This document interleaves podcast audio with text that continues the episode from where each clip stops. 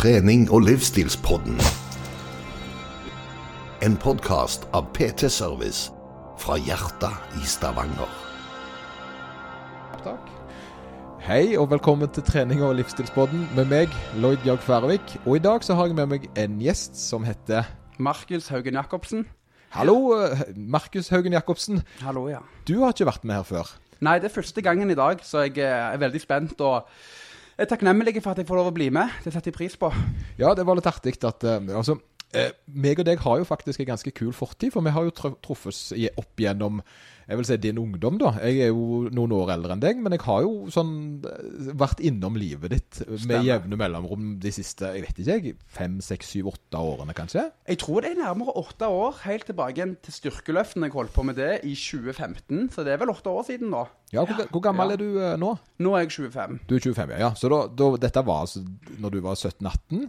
Ja. Da husker jeg at du kom innom eh, og ville ha litt hjelp uh, når, jeg, eh, når jeg jobbet på en annen plass. Og så hadde du med din mor, eh, Mm. Stemmer det. Ja, ja. veldig- Min trygge, gode mamma. Men jeg visste allerede hvem du var, for du hadde jo utmerka deg i, eh, i, i styrkeløftet allerede. Du var jo en ganske dyktig eh, utøver der, eh, når du da holdt på. Har du noe, husker, husker du noe sånn tall, bare som vi kan tease litt? eh? Ja, når jeg var 17 år, så tok jeg vel 150 i benk. Og så hadde jeg 220 i bøy. Og så var det vel, om jeg fikk godkjent eller ikke, en markløft på 200. Og den var jeg ikke så fornøyd med. Det- Fordi jeg, jeg slapp bare stanga. Jeg, jeg, jeg glemte meg litt ut. Jeg kjørte litt det der powerlift-opplegget. Så jeg hadde nesten rett og slett ikke fått øvd for mye på markløften der. Nei, nei, men, du, ja, men så, du, du, du dro det opp, men du klarte aldri å få det godkjent i konkurranse? Nei, for jeg slapp den bare på toppen, og det burde jeg jo ikke gjort, for det skulle jo være litt kult. Og da, er jo regelen litt sånn er det, er det, er det, Da er det jo et gymløft. Jeg, så du har jo teoretisk sett løfta 200 når du har fått det opp, men ikke satt det ned igjen. Stemmer det. For jeg føler det at eh, det å bomme på nedover, det, det Det skal litt mye til, ja.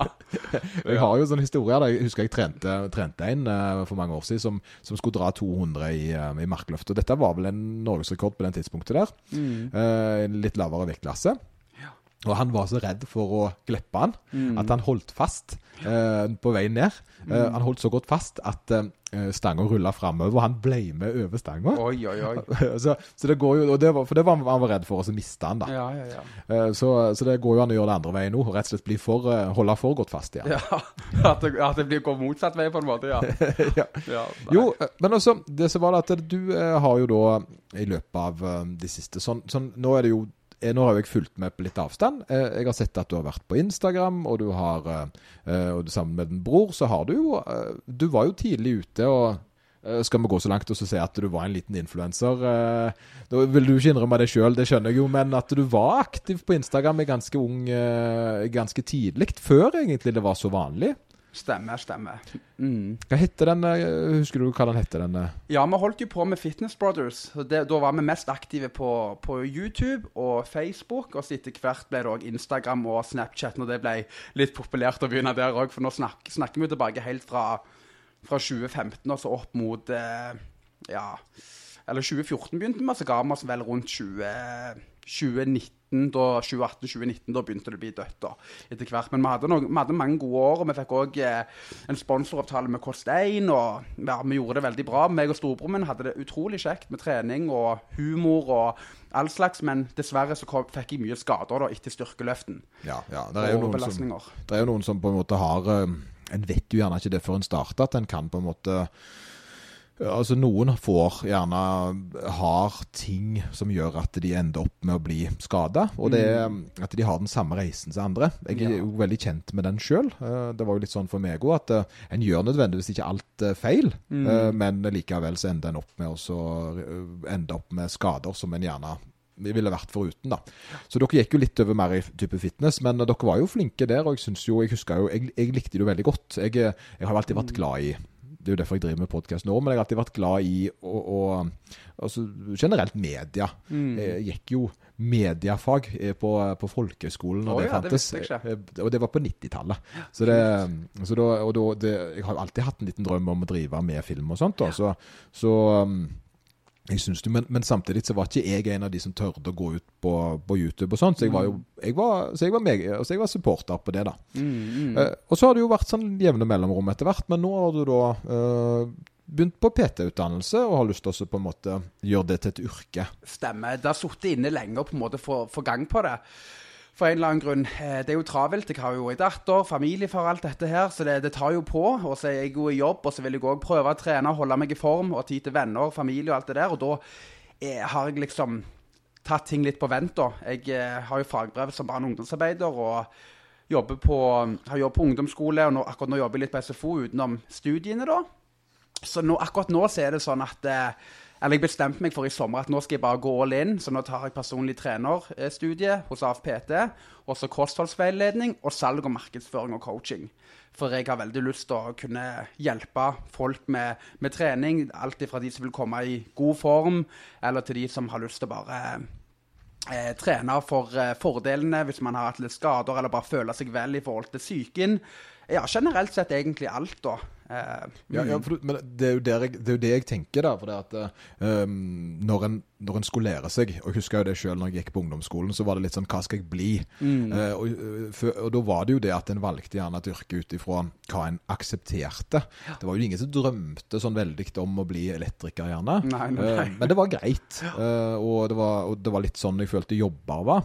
Men eh, eh, for meg så jeg, var det noe som bodde inni meg, en liten sånn at jeg ville jobbe for meg sjøl og ville drive for meg sjøl. Og, og trening ble jo etter hvert et yrke. Og jeg var jo ganske tidlig ute med å jobbe med trening som fulltidsyrke. Eh, og, og det var jo en følelse av det å jobbe med det en brydde seg mest om. Uh, som En har alltid lært at uh, en blir en skal ikke jobbe med hobbyen sin, men det, det tror jeg er feil. Jeg, jeg tror at det gjør det lettere, fordi det er så mange Det er uansett så mange felt i den altså sier treningsbransjen eller treningsinteressen. da, at mm. du, Om hobbyen din er å trene deg sjøl, så kan det godt være at det ikke er helt det samme å trene andre. Men det jeg har eh, lært etter hvert, at de beste, eh, beste PT-ene, og generelt eh, beste gjerne i den type yrker der du skal jobbe med folk, er folk som har lidenskap for faget sitt. og på en måte genuint bryr seg, da. Stemmer, de har kjent det på kroppen, eh, og de, dette er en- det er en livsstil som de da eh, bryr seg om. Det er litt sånn hvis du er veterinær, men ikke liker dyr, skjønner du? Ja, det, det, det, det, går ikke i lengden. Nei, det gjør ikke det. sant? Og, og, og jeg tror det at hvis du på en måte ikke har helt den der treningsgnisten eller bryr deg om Og Mm. jeg føler Du kan slippe unna med det at det er en jobb i veldig mange bransjer, men akkurat, eh, akkurat når det gjelder trening, så tror jeg det er det er ganske viktig at det er en, det er en interesse for Ja, ja. det sjøl. Absolutt. Eh, så, så da Og det vil nok merkes òg, tror jeg. Ja. Bla, blant kunder og andre òg, så, ser deg på en måte, da. Om man på en måte virkelig brenner for det man holder på med, og, og, og, og er inni det, holdt jeg på å si. Det tror jeg folk vil se òg. Ja. Eller så vil man òg gå fort lei, da.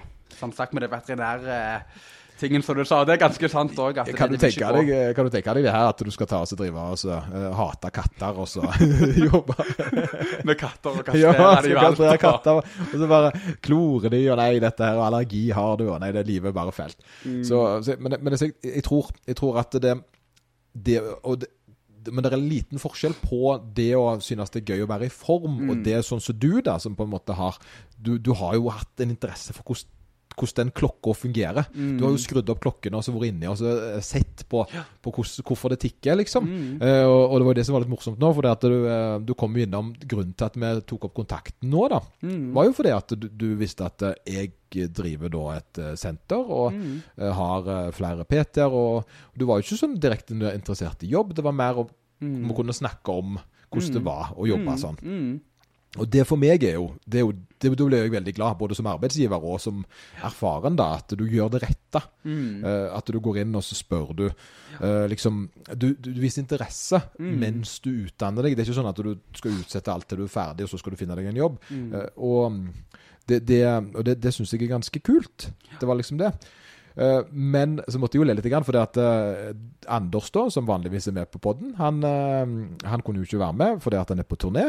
Stemmer. Nå er det jo folk som har gjetta hva slags band han spiller i, men, men vi sier det ikke ennå, da. Nei, så, nei, men, nei. så vi legger ut et stikk og sånn. Så nå, men nå er det full turné rundt om i fullsatte stadioner rundt om i Europa. Mm. Så det er litt kult. Han var i København nå sist, om jeg ikke tar feil. Okay. Så det, men det som jeg da Du ble Ja, jeg vil være med på podden. Og så har du lagt en liste over spørsmål. Jeg har det, og det må jeg bare si kjapt òg.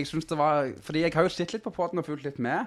og syns det er veldig interessant. For jeg, som sagt òg, så Jeg føler jeg kjenner deg litt, jeg føler jeg kjenner deg litt, selv om jeg ikke kjenner deg så godt heller. Men så føler jeg at jeg kjenner deg litt. Og så syns jeg det var kult at um, når jeg da kom innom PT-service og hadde litt spørsmål, og vi snakket litt, og så spurte jeg deg òg, er det mulighet for at vi møtes igjen, og jeg lurer på litt flere ting. Og så sa du plutselig at du hadde lyst til å være med på poden. Og det var rart du sa. Fordi jeg, jeg har tenkt sjøl at jeg savner veldig det å kunne snakke og formidle ting og, og være foran kamera i forhold til sånn som det var før når vi, meg og broren min drev på med dette som vi kalte for Fitness Brothers. da. Så jeg syns det var kjempekult. Men ja, jeg har litt eh, spørsmål. Jeg har diskutert mye med en kamerat. Og det er egentlig, jeg tror dette, dette, dette er mye jeg leser rundt omkring egentlig overalt.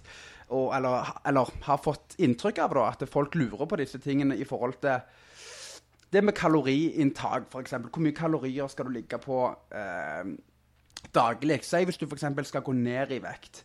Da er det vel så enkelt at eh, du tar og beregner kroppsvekten din. F.eks. si jeg veier 93 kilo, det kan jeg bare si her og nå. Oi, oi, oi, det, det er reveal, reveal. Altså, det er ikke noe å skryte av, men hvis jeg hadde sagt 80, sant, så da, da lyver jeg jo òg. Men jeg veier, jo- jeg veier 93 nå, og da er det jo som at jeg skulle da ganget det med Nå kan det være jeg sier feil. 3. 93 ganger 3, og så trekker jeg fra 500 hvis det skal gå ned Uh, i, uh, i vekt. Det, det, det, ikke, jeg tror ikke du skal gange 93 med 3, for det blir 300. Uh, og så deler du 30. på 30. Ja. Jo, jo, jo, jo, ja, for det jeg, jeg skal være ærlig med det, jeg har ikke holdt så mye på med dette kaloriberegning og sånn. Jeg har holdt meg litt unna det. For jeg er redd for at det skal bli litt for ekstremt for min del, da. Ja, ja, det er et kjempegodt spørsmål, fordi Ja. at dette er jo noe som eh, veldig mange uh, Veldig mange lurer Nå på. ble jeg flau. Nei, nei, men, det, nei, nei, men du spurte jo fint. Og det, men jeg skal, jeg skal for, forklare litt. Grann, for, det at, uh, for det er egentlig det er, spør, det er en av de spørsmålene jeg får mest. Mm. Eh, Og det er et utrolig vanskelig spørsmål å svare på, fordi at eh, det er så mange faktorer som spiller inn. Ja. Og, og de faktorene som spiller inn, er jo ikke de du tror. Nei, nei, nei. Eh, De faktorene som spiller inn, er jo eh, Det er egentlig en forholdsvis lett matematikk i det. Mm. Det er i utgangspunktet kroppsvekt ganger 24. Okay. Sant? Eh, Og da har du da Og da har du den da Kanskje vi kan kalle det for NEAT-forbrenninga di. Mm. Det er det vi bruker til vanlig. Og da, ja. Si hvis du da veier 100 og ganger det med 24, så blir det 2004. Mm. Og så har du økt aktivitet utenom, som du sper på. Ja, ja. Så, så da ser du gjerne at du har en sånn grei huskeregel. Men det finnes andre formler som er mye mer nøyaktige. da. Mm. Men grunnen til at jeg bruker denne formelen her, det er det at eh, for damer da 22, og så for menn 24. Mm, Så døgnets timer for menn Mm. eh, er da formelen. Men problemet er det at det spiller egentlig veldig liten rolle om du vet eh, hvor mange eh, kalorier du skal forbrenne. Ja, for det, handler vel mye om aktivitetsnivå og for hvileforbrenning og sånn. Ja, det er selvfølgelig. Men, men si hvis du, du da hadde visst nøyaktig hvor mange eh, kalorier du forbrente i dag. Mm. Si at du, du visste at på snitt så forbrant du 2500. Ja. Uh, og da, da ville du tenkt at ja, dette er jo kjempelett. Da spiser jeg bare 2000. Mm. Problemet er jo ikke at du vet hvor mange kalorier du forbrenner. Problemet er jo det at folk er utrolig dårlige til å beregne hvor mye kalorier de får i seg. Mm. Det er jo der problemet ligger. For, det, er- for, det, for det, mitt syn så er jo det litt krevende. Da må du finne fram vekt, og gjerne, eller du- jeg trenger gjerne ikke finne fram vekt heller, men at du har en viss kunnskap. og det, jeg, Vi kan jo snakke litt om det i forhold til proteinen etterpå, da, for det, Ja. der, tror jeg, der tror jeg jeg ligger godt an og vet hva, godt hva jeg holder på med. Men ja, det er sånn som du sier. Med, Ja, for, for, ja, for det som skjer da, er at eh, når du da ok da, skal ligge på 2000, så viser jo, eh, viser jo, viser jo studier at eh, til og med folk som er veldig erfarne, kan bomme med Jeg husker ikke prosentene her, men vi snakker oppimot 25-30 avvik, altså. mm. Så, så det som jeg anbefaler folk, det er det at uh, jeg har hatt en sånn en historie som jeg pleier å bruke når jeg skal fortelle dette. Mm. Og det er da jeg tar denne personen, som er en reell person jeg har hjulpet. Eh, og hun eh, skulle gå ned i vekt. Hun veide hun var eh, forholdsvis stor, så hun veide 120 kilo. Ja. Og kalkuleringa der var jo at du lå i forhold til aktivitetsnivå på rundt 3000 kalorier. Mm. For, for da å skulle gå ned derifra. Mm. Problemet var bare det at når hun førte opp til meg eh, hvor mye hun spiste, Ja. kalkulerte og gjorde dette her, så kom hun fram til 1000. Mm. Mm. Og så var det jo det at når hun da spiste 1000 kalorier, så gikk hun ned 500 gram. Det her er det noe som ikke stemmer. Mm. Sant? Med en gang du merker at det her er det noe med de tallene her som ikke stemmer. da. Og, og det er det som er greia. Det er at jeg visste jo at eh, her er det uh, feil kalkulering. Her er det ting hun holder vekke fra meg. Ja. Men det jeg så, det var at vekta gikk ned. Mm. Så jeg lot henne jo fortsette sånn. Mm. Problemet her er jo det at hun da går og sier til venninnene sine at hun ligger, har fått beskjed at hun skal ligge på 1000 kalorier. Ja. Men hun ligger jo ikke på 1000 kalorier. Nei, Skulle ligget på 3000. Ja, altså uh, rundt 2500 Ja, for å gå ned. Mens 3000 som for vedlikehold. Ja, ja. Eh, og jeg vet jo at hun ikke spiser bare 1000, men det er det hun bokfører. Mm. Så, så hun, når hun kalkulerer til meg, Mm. så kalkulerer hun 1000, men mest sannsynlig så er hun på 2500. Ja, ja, ja. For det forteller vekta. At når hun da hver uke går ned ca. en halv kilo, så har hun egentlig en perfekt vektnedgang. Mm. Så, så det, jeg vet jo at det ikke stemmer. Nei, her er noe som ikke er sånn som det skal. Ja, Men resultatet er jo positivt. Mm. Så jeg lar henne jo fortsette. Mm. Det som skjer, det er at plutselig så stopper jo opp øh, vektnedgangen ned. Mm. Og da er det jo hva gjør vi da? Så da sier jeg ja, nå må du sende bilder til meg av maten du lager. Mm. Og vips, så går det opp fra 1000 til 1800 kalorier. Okay. For da begynner vi å se å ja, hun hadde glemt å føre på smør, hun Ja, hadde glemt ja. ditt, hun hadde glemt datt. For det er ganske interessant, bare, det må jeg bare si kjapt. I én spiseskje med olje, så tror jeg det er olivenolje. Eh, nå skal jeg ikke si 100% men jeg tror det ligger rett rundt 200 kalorier hver med én Ja, spiseskje. en har Og det er så lett å bare Ja. få i seg 400-600 der kalorier med å ta litt for mye. Stemmer. Smør, smør er jo eh, mer eller mindre altså det er jo, Smør og planteolje er jo fett. Mm. Eh, det er jo enten da plantefett eller sånn, dyrefett med mer i. Og det er klart at um, der er det 900 kalorier per desiliter. Mm. Eh, og en, tenk en shot, da. Det er 4 centiliter. Ja. Det er jo da 300 og noe kalorier. Det er ikke store greier som du dunker når du skal frese noe på stekepanna. Så jeg er jo veldig fan av å bruke de sprayene. De ja, de har jeg kjøpt, faktisk. Det- Jeg har laget det- og bruker de. Og, og, så det er sånne småting som jeg Men folk ofte da, når de skal, kalore, når de skal re, utregne kaloriene, så tar de ikke med disse tingene her. De tar gjerne ikke med smøret på brødskiva. Og tre brødskiver med smør, det er gjerne 150 kalorier ekstra. Mm. Og i løpet av ei uke så er jo det 150 ganger 7. Ja, ja. Så der er det nesten 1000 kalorier ekstra bare i smør. sant? Og det har jeg forstått òg, at det skal ikke mye til for at ikke du på en måte går ned i vekt i forhold til sånn du vil. Hvis ikke du klarer å opprettholde det, så bare du ligger litt over, altså, så kan det påvirke at du ikke vil ha de resultatene du vil. Er det ikke sånn det er? Ja, det er jo kjapt kjapp mattestykke. ikke sant? Hvis at du målet ditt er å ligge på da, si 2,5 som hun var på, da. Eh, og du ligger på 2000, og så, men du får bokfører ikke smøret du har på brødskiva og olja du har i panna, så er du plutselig på 2,5. Så, så det er, derfor er det litt vanskelig å si så mange kalorier skal du ha. Fordi problemet er ikke nødvendigvis at der er, selv om du har tallene, så trenger det ikke bety resultat. Så har du det andre igjen. Så har du det med termisk effekt, som er litt spennende. Hva kaller du det for? Termisk effekt. Ok, nei, Ja, nå begynner, vi, å snakke litt Ja, ja. spenning, vet du. Det er det at protein, eksempel. Mm. eh, Protein har jo en termisk effekt på 30 Mm. Så det vil si at protein som kalorikilde, altså Mm. som energi, er ikke bra. Okay. Så hvis du får i deg 1000 kalorier fra protein, så er det bare 700 av de som kan nyttiggjøres som energi. Okay. Så hvis du da spiser en høy proteinrik diett, Mm. så får du jo Si hvis du bare hadde spist kjøtt, da. Det går jo ikke. Men eh, si hvis du bare hadde gjort det og spist 2000, så hadde du egentlig bare fått i deg 1400 kalorier i forhold til energi. Ja, ja, ja. Så, så for det, kroppen må bryte det om i en ganske heftig prosess og rive det om og gjøre det om til energi, som koster Mm. 30% av det. Og en liten hemmelighet, da, det er at vin den har 20 termisk effekt, så kaloriene der er heller ikke 100 Nei, altså. Men det er klart at det, sant, hvis du spiser, har en proteinrik diett, da, som deg, du, du er sikkert oppe i nærmere tippa 200 gram. Ja, jeg ligger egentlig litt over det òg. Jeg har litt den at det er ikke farlig å ligge for høyt. Nei, nei, nei. nei. Du, så, og det snakket jeg vel om i forrige podkast nå, at det, Mm. det begynner ikke å bli eh, slitsomt før du nærmer 3,5 gram per kroppsvekt Ja.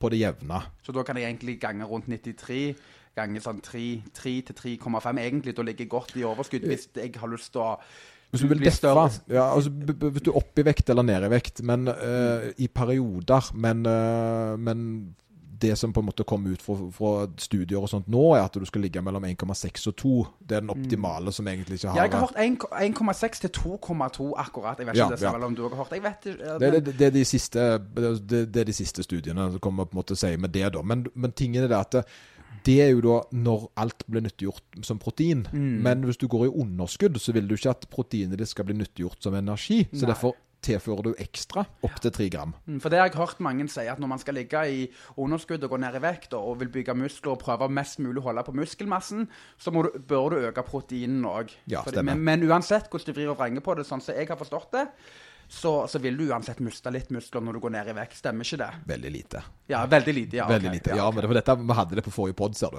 Ja, ja, ja, Det har snakket om sist, så dette er fersk studie for meg. Så her kan jeg komme med gode, gode forklaringer. At folk mister ikke så mye muskler som de tror. Det, faktisk, Det er litt gammeldags, egentlig. Det, Det er, det, ja, nå skal, jeg, skal jeg fortelle litt Jo, men da kan jeg komme med godt nytt, da. Mm. Uh, for dette er jo noe jeg egentlig hadde lyst til å lage en sånn Instagram-reel på. Så da skal jeg prøve å gjøre det nå. Ja, kult, kult. For det, det som er det, er at eh, OK, si hvis du da jeg skulle ha 3000 kalorier for å være i vedlikehold. Mm. Hvis du da spiser ligger i 2007, som er Mm. underskudd, men har nok proteiner, sånn som du har, så kan du, bygger du fortsatt muskler Mm, okay. så lenge du styrketrener. Det er jo kjempebra. Så, så lenge du har nok proteiner i kosten din, men ligger i kaloriunderskudd, så bygger du muskler. Mm. Hvis du ligger på 3000, så veier du det samme, men du kan fortsatt bygge muskler. Så da går du egentlig sant? Mm. Og hvis du er i overskudd, så bygger du muskler. Ja. Forskjellen her er at hvis du er i underskudd, eh, så vil du gjerne ikke ha den samme energi og overskudd sånn mentalt.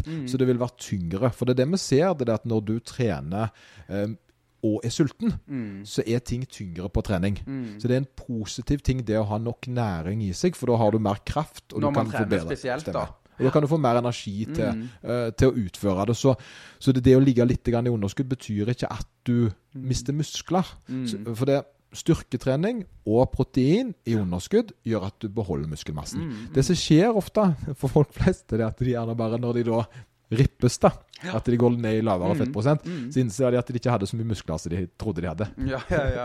Så blir de litt skuffa. Så blir de litt skuffa. For fettet ligger utpå der og på en måte gjør at oi, det ser større ut og mer Ja. Stemmer, stemmer. Så de blir rett og slett litt uh, de- får sannheten, og så er ikke den så kul som Nei. ville. Jeg forstår, jeg forstår. Så, så, det, det, så det, det kunne komme med godt nytt, da. Mm. Men altså da Hvis man da har kjørt på en måte litt sånn typisk eh, fitnesstrening, hvis det går an å si det, at man ligger på rundt eh, tre til fire sett på benkpress f.eks., og ti til tolv repetisjoner, og gjerne kjøre til du bare til du ikke har flere igjen, da, flere repetisjoner igjen, eller har én eller to resterende. Og så plutselig vil du gå over til å kjøre eh, Så vil du gjerne gå over til styrkeprogram. Eh, hvordan er det å på en måte snu om fra den til den, på en måte? da? Altså, Hva, fors ja, forskjellen? Ja, ja. og, Eh, eller gjør begge deler. For ja. Det er det òg mange som spør. Ja. Jeg hadde ei venninne her eh, i går på treningssenteret, og hun spurte meg og sa nå har jeg kjørt eh, tunge sett på, um, på knebøy. Eh, og, og, og lave reps, så har jeg hatt én til to resterende igjen. 80 har jeg ligget på cirka. Og det er jo ganske bra for å bygge styrke, sånn som jeg har forstått det. da. Eh, to, to resterende repetisjoner igjen. Og så spurte hun meg er det greit da at jeg etter jeg har gjort det, for hun vil bli sterkere, at jeg kjører gjerne 60 kilo og, og, og kjører meg helt ut, eller kjører mange reps, om det vil ødelegge for, for å bli sterkere, skjønner du?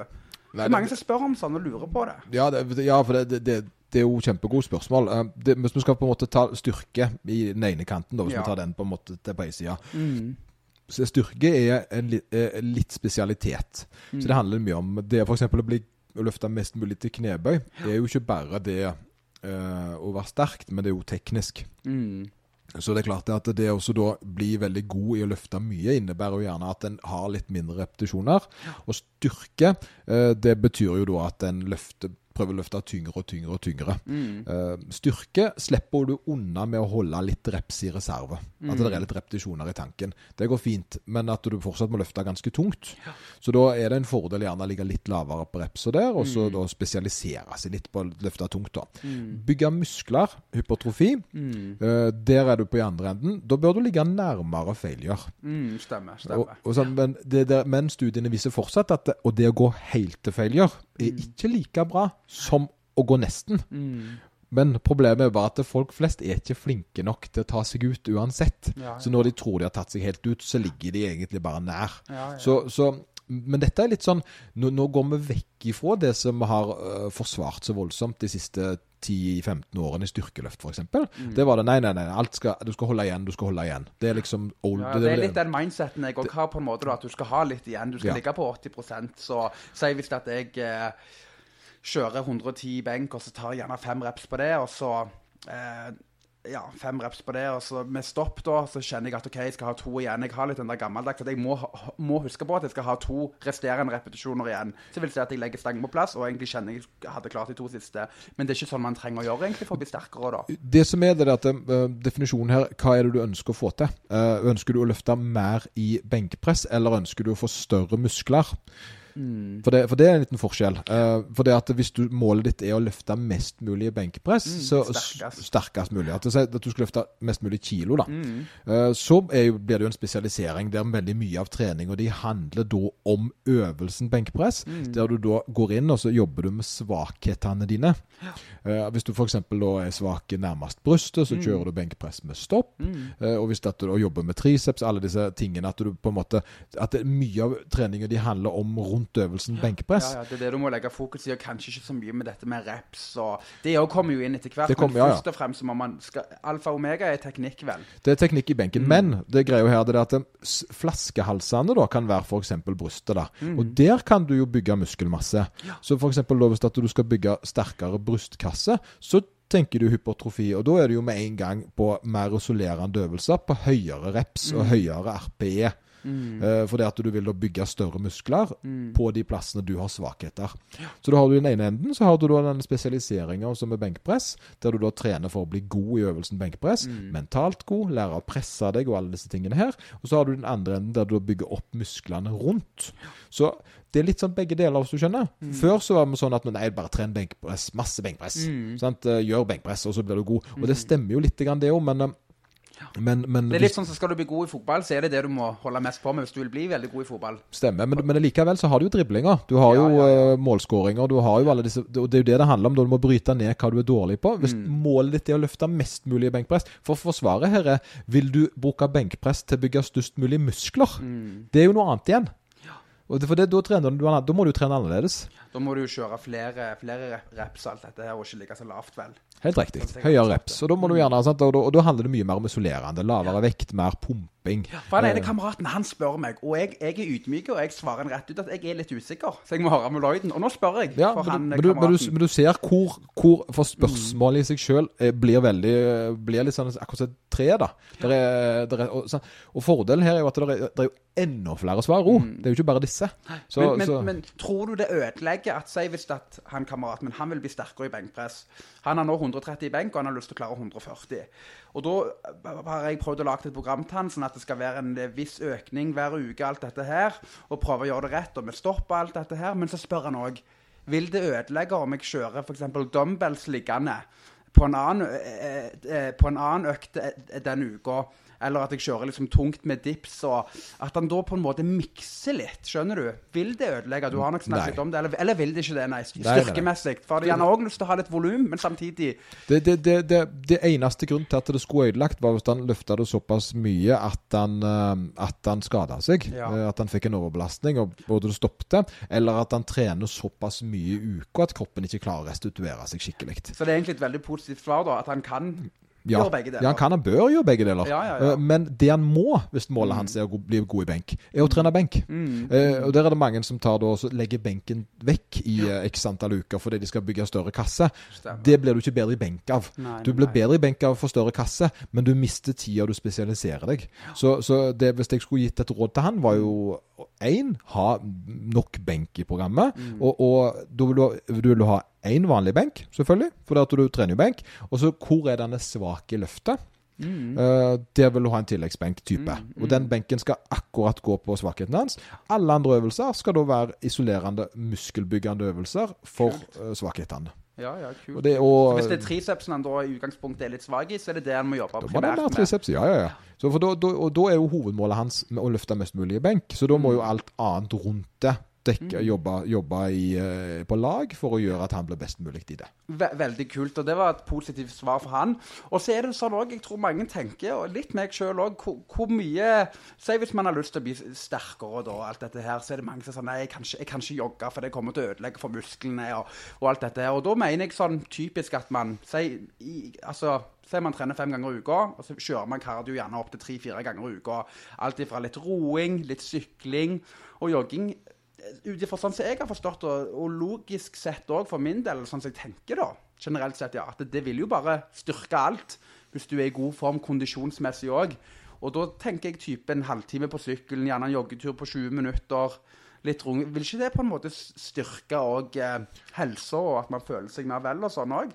For det første, på, på helsa 100 mm. uh, Altså, det, det å uh, Alt annet er spesialisering. Ja. Uh, og, og, for å svare på det der da, det er det at For du, der, vi må igjen det er mange ting her som er litt viktig å påpeke på det du sier. Mm. Det er at eh, Hvis du tenker helse, så ja, da bør du faktisk kombinere. Conquer training, altså det å trene for styrke og utholdenhet både, altså både kondisjon og styrke, det er mye bedre for helsa di. Mm.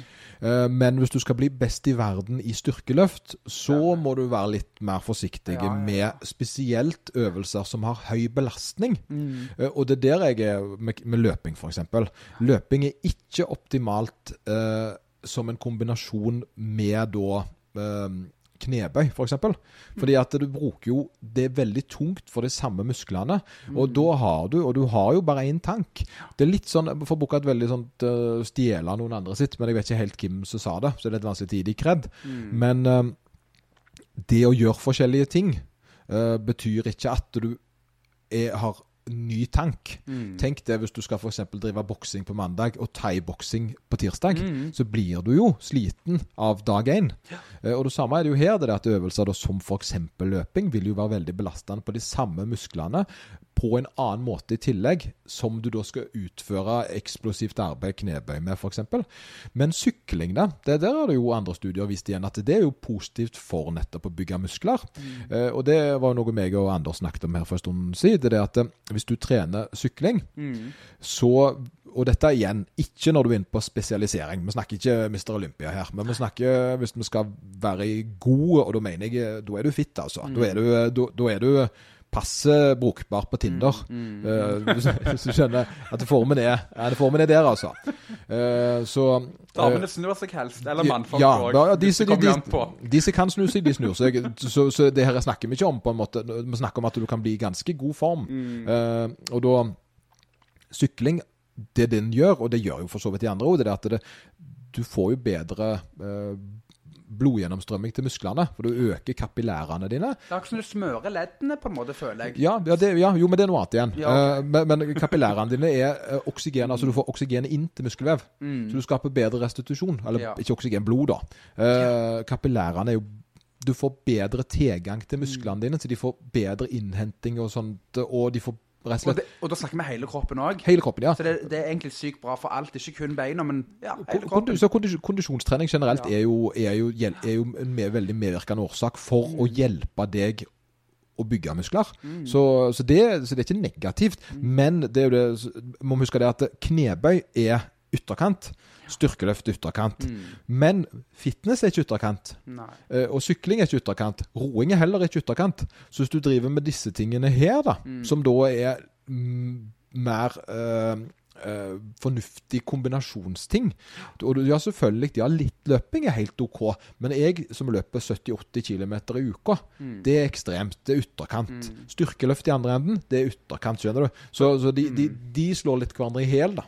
For det er jo veldig kult med deg. For det, det, jeg syns du har vært sykt inspirerende der. Og lyst, jeg har lyst til å prøve å gjøre litt det samme. Men du har jo vært med på litt sånn forskjellige løp. Alt fra sykling og svømming. Og du har gått litt ifra den biten at det ikke bare skal være styrkeløft eller uh, fitnesstrening, hvis det går an å si det, men at du på en måte ja, du har, du har, begynt med veldig mye variert. Virker det ut som sykling, styrketrening ja. og jogging? Driver jo med triatlon i den mm, enden, sant? og så svimrun. Uh, og så driver jeg da med løping som konkurransegren. Og så nå har jeg jo hevet meg på trailrun, fordi hvorfor ikke? Men jeg Hva er trailrun for noe? Det, det, er jo å løpe i skogen, egentlig. Uh, og, det, og, det, er litt fordi det, det det, det, hører til svimmeren Mm. I svimmeren så springer du veldig lite på asfalt. Ja. Så da ble det litt sånn ok, hvis jeg skal være med på VM i neste år i svimmeren da, mm. så må jo jeg bli bedre på å løpe i skog og um, ikke bare For jeg har vært veldig god på mm. flat asfalt. Det er liksom mm. det jeg har spesialisert meg på. Mm. Så, men nå må jeg da begynne å lære meg å springe rett og slett i litt mer uh, terreng. da.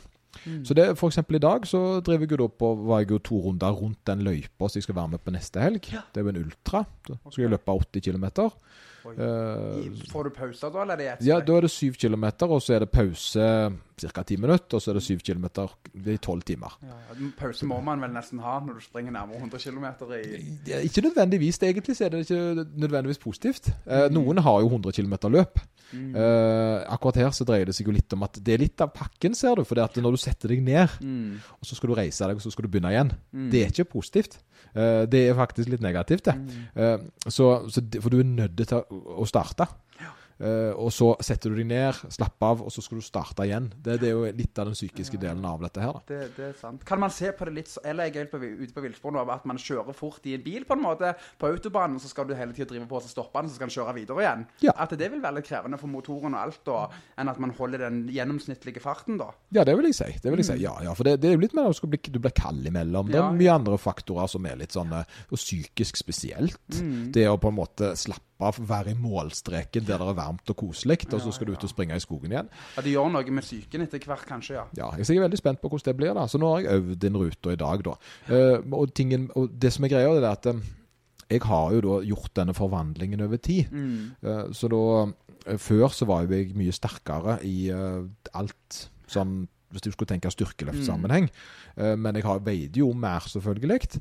Men eh, mye av problemet her er jo det at eh, når jeg eh, gjør alle disse tinga, så spiser det av samme tanken. Så den løpebeina mine skal òg gjøre knebøy. Og, og, og løpebeina mine og knebøybeina mine skal sykle. Så det er klart at eh, benkpressen min skal svømme. Mm. Så, så, så det er masse sånne andre faktorer som, som selvfølgelig ikke gjør at det er helt optimalt for maks styrke. Så styrken har gått litt ned, men han holder seg jo fortsatt på et durabelt nivå, vil jeg si. da. Ja, og føl men hvis jeg kan spørre om det, føler du deg mer vel av å drive på med så mye variert nå? For jeg blir inspirert, og jeg syns det er veldig kult. Ja, jeg, er- jeg er i mitt livs form, og da mener jeg jeg har aldri i mitt liv vært i bedre form enn jeg er nå. Og da inkluderer det 20-åra.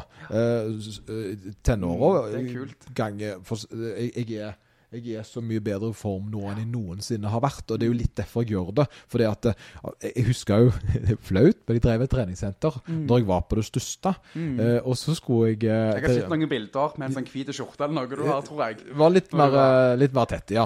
Eh, men da var, men da hadde jeg jo større kollisjon. Mm. Eh, at jeg skulle, dette jeg tror ikke jeg har sagt på podden før, men, men jeg skulle til regnskapsfører og levere da bilag. Mm. Og han hadde bodd i Altså, han holdt til første etasje. Og det vil si én etasje opp. Mm. Og det var altså stress å gå opp. Så jeg måtte Ja. vente med ringer på. For jeg hadde svetteringer rundt armene. Mm. For det, det, altså gå opp den etasjen. Mm. Uh, så måtte jeg vente for å ringe på. For jeg, jeg følte at det ble feil at meg som drev treningssenter, skulle da uh, måtte være andpusten Ja, ja. av å gå opp trappa. Eh, men jeg løfta jo veldig mye kilo, da. Sant? Så det var jo på en måte litt i den andre Men sånn er det ikke nå. Nei, nå er det litt annerledes der. Så nå, nå, nå kjenner jeg at nå, da har jeg en litt annen tank, da. Ja. Eh, og, men det handler jo litt grann om hva en verdsetter, og hva som motiverer en nå. Eh, det, Det er er, ikke, så, det er så sykt sant. det er ikke alle som på en måte Altså du må jo ha en glede i det du holder på med uansett. For at eh, hvis jeg ikke hadde brydd meg så altså, Hadde jeg vært i litt bedre form, så hadde, sant, og, og hadde, Litt av tanken min var at jeg begynte jo å sykle da. Litt grann på, når jeg var på det sterkeste. Mm. Og det øyla jo ikke for formen min. Tvert imot. For det måtte jo ha etter hvert sett med knebøy. Kanskje Ja, jeg hadde ja. 180 knebøy og skulle kjøre en femmer på det. Mm. Eh, Så måtte jeg ha ti minutter pause, for jeg hadde jo makspuls. Jeg, så dårlig form var jeg. Jeg lå på gulvet med makspuls i ti minutter. Ja. jeg, jeg, knebøyøkt tok halvannen time. Så begynte jeg å sykle. Så gikk det ned til fire-fem minutter etter bare et par måneder. Og Da var jeg på en måte henta såpass godt. Da, fått, da hadde jeg fått en mer fornuftig kondisjon uten at det ødela for styrken. da. Mm, Så der, der ser du jo fordelen. Men så har du det hvis jeg hadde begynt å sykle 20 timer i uka, så hadde jo det ødelagt helt. Ja, ja. Så, så du trives definitivt mye bedre med å ha denne varierte treningen enn at det kun var, var styr, styrkeløft og at det var litt, litt mer vekt. Ja, ja, altså helsemessig 100 Ja. eh, og spesielt nå i alderen. eh, Men jeg skulle jo fortsatt ønske For å si det sånn, eh, det er jo litt sånn at Når jeg var på det sterkeste Mm. Jeg kunne godt fortsatt å spise meg opp fra 130 til 160-170. Oi, oi, Det det kunne jeg gjort hvis, det, jeg, hadde, hvis det hadde, jeg hadde fortsatt å øke styrke. Mm. Fordi jeg var villig til å gjøre det for å se hvor langt jeg kunne nå Mm. uh, i den reisen. Kan, Men kan jeg spørre hva løft du hadde? Uh, du, på den tida der så var det jo uh, Jeg var jo ska, ble jo tidlig skada. men jeg lå i benken, så var jeg nok i overkant av 200 rå. Da løfta vi jo kun med benkskjorta, så da hadde jeg jo på rundt 250. Eh, det hadde jeg jo ned til lav kloss, så det er så fint heter. 255. Mm. det var før et NM. Så, og dette, på den tida her så var det ikke så mange som løfta. Det var i Fjøri-skjorta, da, så det var ikke den eh, mest eh, fancy. Så Mm. Jeg var forholdsvis sterk, men ikke den sterkeste sånn, men eh, gode tall. Mm. Og i bøy så var jeg greit over 200, og i marken så var jeg tett opp mot 300. Oi, oi, oi. oi. Ja da, så, Så så der skilte du deg godt ut. ja, da, så jeg, var, så jeg, var i, jeg var i form. Jeg var i form, for å si det sånn. det. Så, og, men eh, tidlig ute med skadene, for så, det, var litt det som var problemet. For det, litt sånn som med meg, egentlig. egentlig litt, litt samme reisen. Ja, ja, veldig fort opp. Pang rett i Og eh, det er ikke så kult. Nei, og det er jo det. Så, For min del og kjente jeg i hvert fall litt på det. Det er litt synd, sant? for det, du hadde jo et unikt talent. da. Det var det jo som 17-åring, må du huske, å løfte de tallene der. eh, For det, vi, glemmer litt det at eh, nå løfter folk mer, men nå har folk løfta mer. Det, det er sant. Så, så det, var jo det, den første mann på tisekunderen. Sånn så de tingene der. Da. Jeg tror det du løfta, var jo norgesrekorder, hvis jeg ikke tar feil. Det var det. Var det. det var norgesrekorder. Og det var vel, jeg fikk norgesrekord i benkpress. Og så eh, eh, og i knebøy. Og så noe som heter sammenlagt. Ja, sammenlagt. Hvis jeg husker rett, så var det det. Stemmer, ja, Men ikke, ikke i markløft. Altså, eh, hvis du skal ta markløft for seg sjøl, der, der tok jeg ikke norges, norgesrekord. Men de andre også sammenlagt. Eh, men eh, Og litt av det og det, det er en av de tingene jeg, eh, jeg trente ute på Gandal atletklubb. Og da husker jeg sa til noen av de som var der ute, at jeg eh, For når jeg klarte 220 kilo som 17-åring i bøy, og jeg gikk fra 150 kilo i knebøy nå er det litt egenskryt her. Nå føler jeg jeg kan det òg, eller at jeg har lov å skryte litt. For dette, jeg var jo bare 17 år. og... Ja, du må jo skryte. Altså, Ja. det jo, det, du, skryter vel egentlig ikke, du forteller bare sannheten. da. Ja, ja, nei, det, ja. Nei, det er kult. Så da gikk jeg fra 150 i knebøy til 220 bare på noen få få måneder. Sånn, for, for da fikk jeg inn litt teknikk og, og, og program. Og da husker jeg at det, når jeg klarte de 220 kiloene Husker jeg sa ute på atletklubben der i Sandnes da, at eh, nå er målet framover at jeg skal klare etter hvert 250, og så en dag gjerne 300. Og det var sinnssyke mål, eh, og det hørtes kanskje urealistisk ut. Men igjen så må du på en måte ha litt sånn ego-mindset hvis du skal få til å ligge så høyt. og gjerne da, da blir du kanskje nærmere i, den tida gjerne verdensrekord eller europamesterskaps... Eller, eh, ja, i Europa. Jo, men, men Gandal har jo, produsert, uh, har jo produsert noen av verdens beste løftere. Eh, så, så, og jeg tror ikke de hadde blitt så gode hvis de ikke hadde trodd at de skulle klare det. Det. Eh, så så um, jeg, jeg, men denne, Dette er en samtale som jeg har med folk. Det, For det er forskjell på å ha en drøm og uh, være negative til andre. Ja. Så uh, dette her er en sånn For eksempel en litt annet, litt annet scenario. Men det var noen som tok kontakt med meg for en stund siden. Eller det vil si, jeg trener de, så er det sånn, da. Og så har de Føler de at målene deres er litt voldsomme. Men jeg tenker jo det at fram til det motsatte er bevist, Mm. så, så har en ikke noe og, og når en allerede på en måte har hatt en reise Mm. som tilsier at det er mulighet for å bli ganske god, så, så så lenge en ikke er arrogant og cocky og ufyselig, Ja, ja. Så, så tenker jeg at en skal få lov å tenke, tenke, ha lyst å brenne for å bli veldig god. da. For det, det, er, forskjell, det, er, det en fin forskjell på å prøve å dytte andre ned. Mm, Enn at man snakker seg sjøl opp. Selvfølgelig. Nettopp. Mm. Uh, og det det jeg ser, det er at de beste i verden er jo ikke blitt det når, når de ikke trodde. Det er ikke sånn at de liksom Nei, jeg kommer aldri til å bli god, og så Oi, jeg ble det hvis det likevel. Ja, det er det, jo ikke sånn det fungerer. Det, det, Nei, nei. det, en av de, det å løfte tung knebøy, da. Ja. Det handler jo eh, Det er litt løye, fordi at eh, jeg husker det så godt. For det er 150 knebøy, så husker jeg jeg løfta det på ryggen. Mm. Eh, og så Det var maks. Mm. Det var maks å løfte. Mm. Men så innså jeg det at hvis jeg hadde 160, så kunne jeg fortsette å løfte. Mm. Fordi jeg hadde begrensa det mentalt. Ja. det er bare det at en tilvenner seg å være nede i det mørke mentale Ja, hullet ja. som en presser ifra med. Mm. For det, det, det er ikke nødvendigvis sånn at det blir lettere. En blir bare flinkere å tilpasse seg belastningen. Mm. Og, og, og det må du jo gjøre mentalt. Og da er det nok en fordel å ha en litt sånn eh, psykiske klikk der du på en måte tør å på en måte bare OK, jeg vet at jeg har noen gode spottere nå, men jeg skal gjøre alt jeg kan for å få dette opp. Ja, mentalt. Ja, ja, ja. ja. Og, og, men men jeg, jeg må bare si dette kjapt òg, så jeg ikke glemmer det. Og det kjipe med alt, det var at rett før jeg fikk eh, skaden og Jeg hadde klart å løfte 220 og var heldig og ble norgesmester, og dritkult. Og så, så ga jeg en kommentar til noen da. Skal ikke si hvem, av respekt, men jeg har veldig lyst! og det var at, og, og da eh, sa jeg at eh, nå er målet at jeg skal klare 250, og så, og så 300 etter hvert. Og da var det jeg kan vedde en million, på det får du ikke til. Det kommer ikke til å klare. Jeg husker den. Ja. Det jeg lukta med en gang da, det var sjalusi. For Han, var på, han lå på norgestoppen og godt over meg. Men da lukta jeg sjalusi, og, Litt Det var veldig provoserende, Ja, ja, ja, jo, men det, men det, og jeg var sånn, bare det 17 år òg, så jeg Ja, følte det. Da ble jeg dratt litt ned, og det skal du ikke gjøre. Nei, nei, nei, det er helt enig. For det, dette var en sånn ting som jeg uh, syns jeg har nevnt i flere settinger. Da, det er at jeg, har opplevd at medgangssupporterne mine ble eh, negative når jeg fikk det til. Oi, Eh, og det er jo veldig trist. Kjempe for det er gjerne litt heltene dine som plutselig begynner å stikke. Og deg De skulle begynne å gi unnskyldninger for hvorfor jeg var blitt så god. At jeg var blitt bedre enn de. Og det var som oftest enten for at jeg hadde lange armer, eller at jeg var tjukk.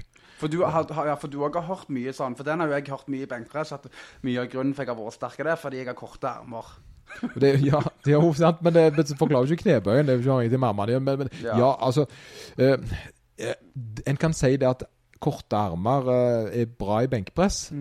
Bortsett fra de som har lange armer og er gode i benkpress. Mm. Noen av verdens beste løftere, både i knebøy og benkpress, har lang løftebane. Mm. Uh, og det er jo litt merkelig. Selvfølgelig er det en fordel Ja, å ja. ha kortere løftebane, men det er jo ikke sånn at du var en av disse ekstreme Du, du hadde en god, du en god teknisk utførelse, Mm. uh, og det var jo ikke du, men vi må jo være ærlige og si det at noen passer ikke like godt Mm. i den idretten som andre gjør. Eh, det er litt sånn Er du 1,50 høy, så er kanskje ikke basket den. Nei, nei, nei. Og det, og det er jo ikke frekt meint, Nei. men det betyr ikke at du ikke kan bli god i basket, for det finnes jo lave, Ja, gode ja. basketballspillere òg, men sannsynligheten blir automatisk lavere da. Og det er bare realistisk. Ja. Og det er litt sånn at sånn er det bare, på en måte. Ja, men, men en- jeg syns en skal bruke det for å forklare vekk eh, hva folk har fått til. Mm. mi- Milepælene til folk, da. Og der er jeg litt sånn forsiktig, fordi at eh, hvis jeg, jeg kan for å skåne mitt eget selvbilde, Mm, så kan jeg gå inn på NM og så kan jeg si at jeg er ganske sterk, styrke, ganske sterk til å være løper.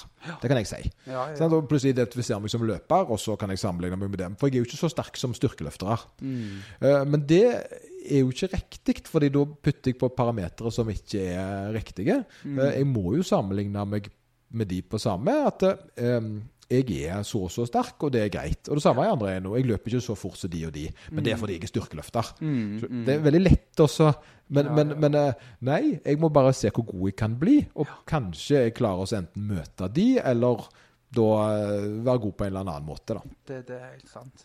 Og jeg tror eh, det, det, der, der tror jeg du er, er, veldig god. Nå har jo ikke jeg hatt deg som coach sånn ennå, men det virker nok ut som det. Og jeg, tenker, og jeg kjenner meg jo sjøl òg at, eh, at vi brenner nok litt for den der at vi vil alltid prøve å løfte folk opp uansett. Og den der sjalusien, på en måte, den prøver vi å iallfall ikke ha, da. Skjønner Ja, ja, jeg- og det er ja. så viktig, tror jeg. Jeg tror, jeg tror eh, den beste coachen eh, For her er det litt av greia. da Skal coachen din være verdensmester, Mm. eller skal han klare å få deg til å bli det? det for den er litt vrien. da. For, Det er sant. Nå satte du på spissen, men det er jo ja, sant. jo, men er men er i, i, min scenario så er det jo sånn. Mm. ja, ja. Jeg har jo trent folk som har deltatt i VM. Så, så det er klart at eh, jeg har jo ikke deltatt i VM sjøl. Men du har hjulpet andre Jeg har hjulpet opp fram der, er som har altså fått medaljer i VM. Det har jo jeg fått til. Eh, og, og, og da, men jeg har jo aldri vært så høyt sjøl, men jeg har jo vært med da, reisen for andre. da. Eh, og da, da, da er jo CV-en min bedre enn atleten Lloyd. Eh, og, og det er jo litt fint sånn sett. Men hvis at en skal på en måte si hvorfor skal jeg få hjelp av deg, du har ikke vært borti det, så er det jeg kan iallfall dra nok sammenligninger til å hjelpe deg på veien, og tydeligvis så har jeg nok kunnskap til å få folk. Fordi problemet ofte er det at noen blir verdensmestere kun Jeg vil ikke si kun på talent, for det blir feil, men det er forskjellige måter å bli verdensmester på.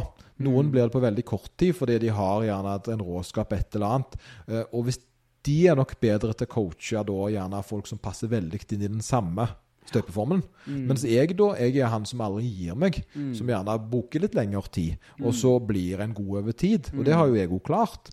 Uh, og jeg Du klarer å se litt langt fram på sikt. Litt enn mer, så- ja. Ikke bare her og nå. Og, og jeg er da i stand til å så gjerne øh, være den som klarer å dra ut mer av folk som må jobbe litt mer for det. Mm. At, det at en tenker langsiktig på det. Og det handler jo om motivasjon. Det gjør det. Jeg, jeg ser jo det, Nå skal jeg booke navn, da. Ja, så skal jeg si Toren. Det er ei som, er- som jeg trener. Men hun jeg jobber sammen med, veldig, veldig koselig. Og hun driver med, øh, med styrkeløft. Ja. Og, hun, eh, og det som er med henne, det er at eh, jeg må jo le litt, for hun kom jo litt til meg og ville begynne med styrkeløft. Men hun hadde jo trent allerede på den tid. Og, så, og så begynte hun å trene eh, styrkeløft, og det gjorde mannen hennes. Og så plutselig så ble vi en gjeng som trente sammen. Venner av. Alle ble venner. Det ble liksom et miljø rundt det.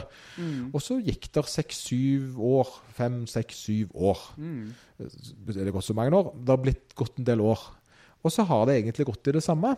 Det har vært styrkeløft, det har vært god trening, og det har vært motivasjon. Mm. Og, men så har resultatene kommet. Mm. Mm. Eh, De kom ikke på ei uke. Nei, nei, nei. nei. Men reisen eh, har på en måte ikke vært nødvendigvis bare hvor mye du har løfta, men eh, hvor kjekt en har det når andre får det til. En er med og heier på andre. Mm. En er, gleder seg til å gå på trening. I dag, ha- i dag har de møtts, f.eks. Mm. Og så har de uh, hengt sammen. At det er på en måte alle disse andre faktorene. Og så plutselig ble, bare, ble de bare gode en eller annen gang på reisen. Skjønner du? Det er jo Ja, kjempekult. ja, ja, det absolutt. Nei, det er fantastisk. Det er godt med sånne historier òg å se tilbake på. Og jeg er veldig heldig akkurat der nå at jeg har funnet en eh, god kamerat som jeg eh, trener godt i sammen med, og vi bare har det så gøy. Og så klarer vi òg å være veldig seriøse, men samtidig også kan vi ha det veldig kjekt sammen på trening òg. Der vi snakker litt, og litt humor og guttastemning og alt det der. Det er kjempebra. Eh, Det, det er faktisk morsomt. En studie som viste dette her nettopp. Og det er litt sånn Jeg pleier å dryppe litt sånne studier. Det er litt, mm, litt Det, det er viktig òg. Ja, for normalt dunker du- du- du dunka det litt i det. At eh, feedback, og spesielt da eh, positiv feedback, sånn som da dere gjerne gir hverandre og sier 'Kom igjen, du klarer en til'. Mm, mm. Eh, 'Dette var bra'. Eller at det rett og slett er en eller annen eh, tilbakemelding som skjer under prosessen når du trener, Mm. er faktisk bevist å gi bedre resultater. Oi. Det er kult. Det, det, er, det er enormt kult, ja, ja, absolutt. Det er vel litt sånn som jeg har hørt også angående jogging òg. Hvis andre ser på deg, eller du er på en gruppetime, så kan du òg prestere bedre da, for at man har tilskuere, eller gjør det sammen med andre, rett og slett. Det, det tror jeg, og, og det, men det ser jeg òg, uh, iallfall når jeg er ute og stikker løper. Så um, jeg, jeg prøver jo Det er noe i en. Jeg liker ikke å bli forbiløpt, altså. Eh, men, men jeg er ikke en sånn jeg, jeg, jeg er ganske kjent for å være god på å løpe sakte. Fordi det er det Det har jeg sett òg Ja, på de videoene når du forklarer at det skal være helt rolig. Ja, ja, ja. i starten. Ja, Absolutt. ja sant? Og så- har en jo egne dager der det går bånn fis når det er løp. Da, Mm. da er det gjerne Da er det liksom Da skal du mm. Men, men det er dette her med å bygge grunnmuren, da. Mm. Eh, Men jeg merker jo fortsatt et lite stikk når folk fiser forbi. Altså, Ja, du kjenner litt sånn- på det. Litt det. Litt, litt er det jo, men, men det går greit. Og så må jeg bare tenke Da, da må jeg bare tenke at de, de holder sikkert på med et intervall. Og det, det hjelper litt. Mm. Ja, ja, ja, så, eh, Sånn at en på en måte får, eh, får bygd og beholdt selvtilliten lite grann. Ja, stemmer det. stemmer det. Eh, jeg har hørt om noe som heter Runners High. Vet du, Har du òg hørt Ja, om det? Ja, vi har snakket om det før, Ja. eh, vi visste ikke helt hva det var for noe. Eh, eh, og så fant vi ut litt mer hva det var. Mm. For det at det, jeg beskriver Runners High for, det jeg føler jo jeg får det hver gang i løpet. Eh, at jeg får en sånn at jeg blir uh, havner inni i en sånn transe, nesten, der jeg bare Der bare tanker og alt flyter. Ja, ja. Og det elsker jeg. Uh, men, uh, men det var ikke det direkte som var Rønners hei, da. Nei, nei, nei. Så da ser du. Stemmer, stemmer. Nei, Um, jeg har jo skrevet ned Ja, få litt på ting. den lista di. eh, Få litt på den der godlista. Uh, og da er det sånn at uh, Nå har jeg forstått at eh, hvis volumtrening, altså det å sto se stor ut og, og ha muskler, det vil, ikke, det vil ikke ødelegge noe. Og på en måte kombinere det med, med et styrkeprogram òg, at man gjør litt av begge deler. Og kondisjon, det vil på en måte i sin helhet gå greit. Ja. Altså Med mindre man skal bli norgesmester eller verdensmester, men bare bli litt sterkere i benk. Og så kan man òg gjerne kjøre litt sånn typiske eh, push-pull-legs og utenom å variere litt. Og, hvis du får skjønne hva jeg mener. Jeg skjønner hva du mener. Litt, litt av greia som en gjerne skal passe litt grann på, så en liten sånn ettertanke, da, det er at eh, Hvis en skal bli norgesmester, f.eks., Mm. uh, så dreier det seg gjerne om en vektklasse. Og der har du jo noen faktorer, da. For det at når en da, hvis en, hvis en skal bygge sette, sette på seg mer muskler, så kan du ende, med, ende opp med å veie mer. Mm. Og det å spesialisere seg for å løfte mest mulig på den vekta en er, Mm. eller gå opp i vekt, er jo faktisk litt forskjellige ting. Uh, så da må en gjerne se litt om en gjerne har potensial i en en, hvis en ligger på en vektklasse, så bør en passe litt på. Men dette er noe en gjerne ikke skal tenke på før en er veldig høyt nivå, altså. Nei, for jeg tenker til syvende og sist så handler det om å ha det gøy på trening, og man skal trives. Og det dette er litt viktig for meg å si, og dette er litt sånn min, min mening da, og hvordan jeg ser på det. For i dag, de fleste er jo inne på TikTok og Instagram, og så ser man mye sånn 'do not do this'. Og det er litt sånn farlig budskap, fordi do this heller, tenker Ja, jeg. Og det ja. mener jeg at, og da, det jeg mener med det, da, da skal jeg prøve å forklare det, at hvis man har noe man trives godt med, si f.eks. å trene seks ganger i uka fordi man har så mye godt med energi og overskudd, litt sånn som meg. Ja, ja, ja.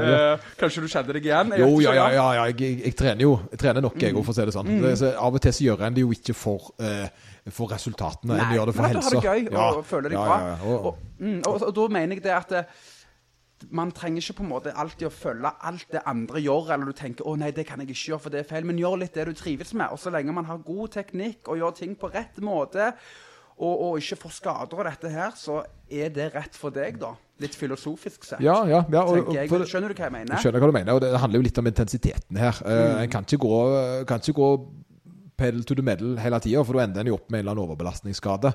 Men, men for å si det sånn, du kan trene fint hver dag, mm. så lenge belastningen er deretter. Og så handler det gjerne litt om hva en gjør, da. Eh, For eksempel, for å bruke det som en sånn, en sånn koselig ting. Vi har jo sofa i styrkerommet. Og det er jo for det, og da kommer jo folk som ikke trener, for å henge. Mm, okay. uh, ja, sant? For det, det er jo en møteplass. Det er jo den sosiale arenaen til mange. Eh, og det er gjerne så, så En tenker gjerne ikke på at eh, tenker gjerne ikke bare på at det, det skal være ekstreme resultater. Trening er en del av livet, gjerne. Gjerne til og med så kan en si at det er en del av eh, det mentale helsa til mange. Og, det, og da er det litt sånn OK, hva kan en gjøre hvis en har lyst, da? For det, jeg har f.eks. en regel. Jeg trener hver dag. Mm. men av og til så må jeg jo jeg- Begrense litt. Ja, må begrense. For jeg, si hvis jeg har Si f.eks. på lørdag Jeg skal trene hver dag. Ja. Men her har du litt av problemet, da. Så da, ok, så skal jeg da, hvis jeg klarer alt stemmer og alt fungerer neste lørdag, så skal jeg trene i tolv timer. Mm. Uh, søndagen, da? Ja. Hva skal jeg gjøre? Kan Ja, du ikke trene ja. da? Mm. Det går ikke. Det går, jeg kan jo ikke gå ut og ha knebøy. Det skjønner sant? Nei, nei, nei. Men, men, men, men da har jeg en liten regel. ok, Det laveste som er aktivt for meg, det er å gå en tur.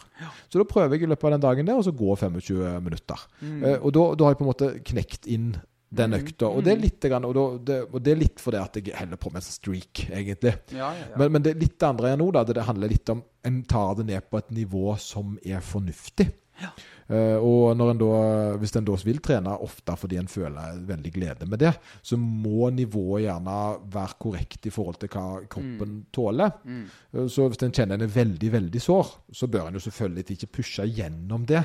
Men det er masse andre ting en kan gjøre. Mm, En kan jo trene mobilitet, en kan jo drive med rulling, en kan jo kjøre litt kardio, som du sier. Det er alltid noe. Ja, bare liksom. det som går en tur òg. Ja, sant? Så, så nei, for det, det, det, det trenger ikke være så vanskelig, egentlig. Og jeg har mye sånn, tenkt mye sjøl før, da. At eh, det er ekstremt viktig med de rest days og sånn. Jeg tror det handler litt om hva Selvfølgelig, det, det er jo ut ifra mål og hvordan du vil det skal være og alt dette her, men jeg, jeg føler den beste måten for meg å ha en rest day på, er å få- kunne gå en tur. Eh, og på en måte ikke ta helt fri og bare ligge på sofaen, for da blir jeg rastløs eller i dårlig humør og føler meg litt Ja. drit. Og, og jeg vil jo føle meg vel og bra.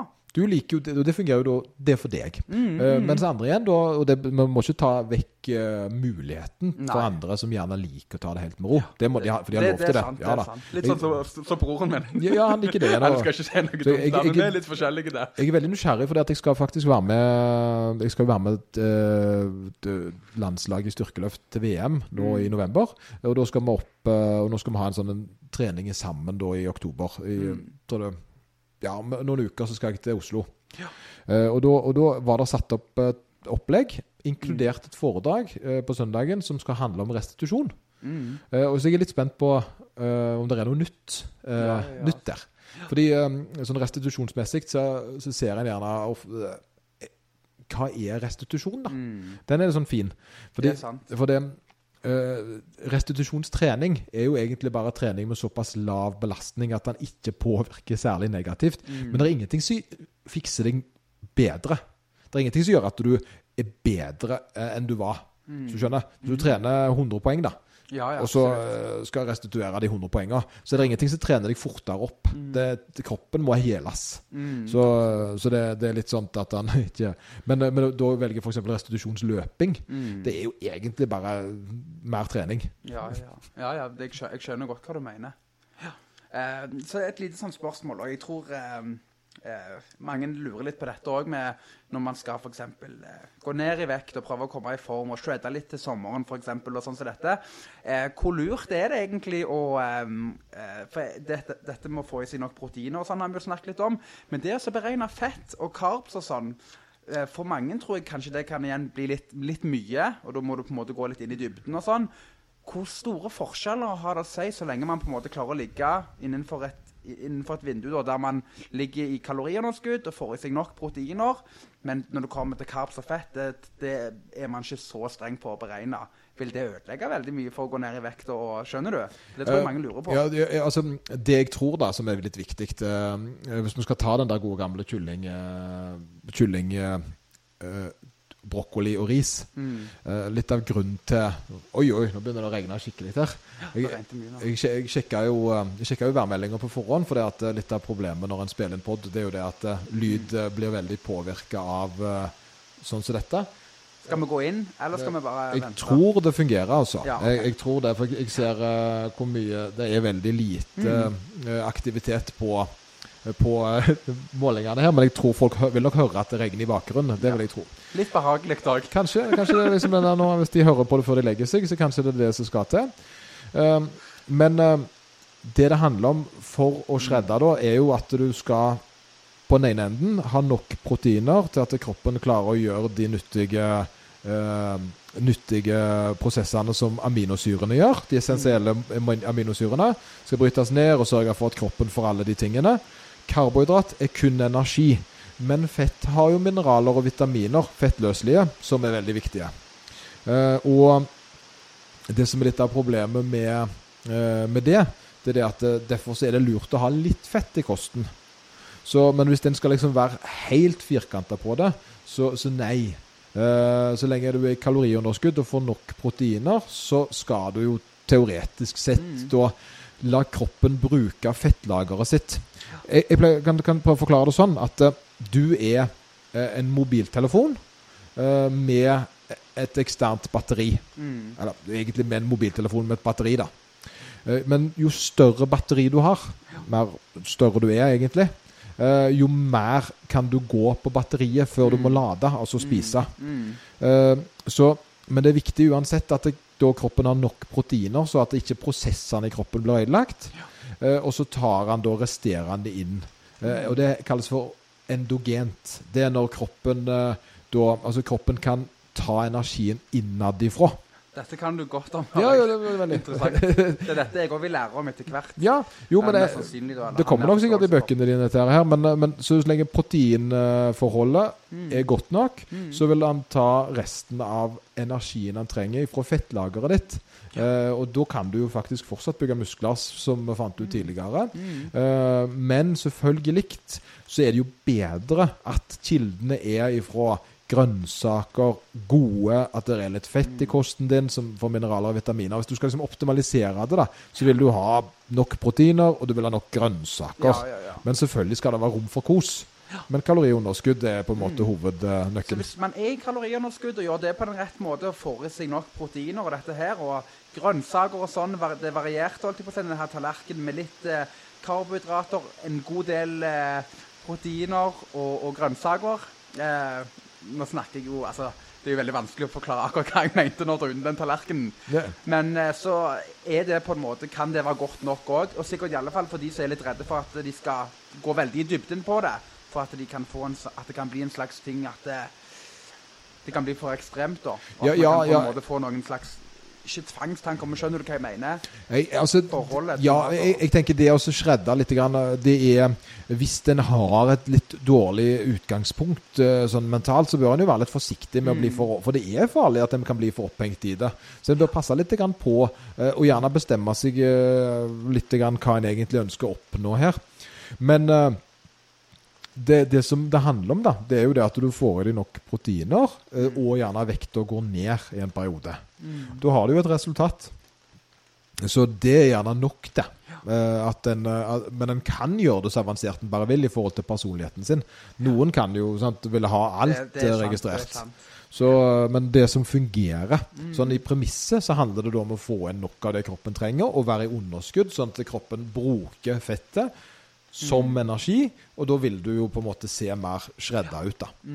Eh, men prosessen her kan jo være veldig psykisk, selvfølgelig, og det kan jo være veldig mye atferdsgreier. Så jeg anbefaler jo folk å spise mye grønnsaker i en sånn prosess, fordi de er allerede i underskudd. Uh, og da er de gjerne sultne, og måten en da skal Hvis en da skal på en måte bare drikke pulver og spise sukker, så vil en være veldig sulten.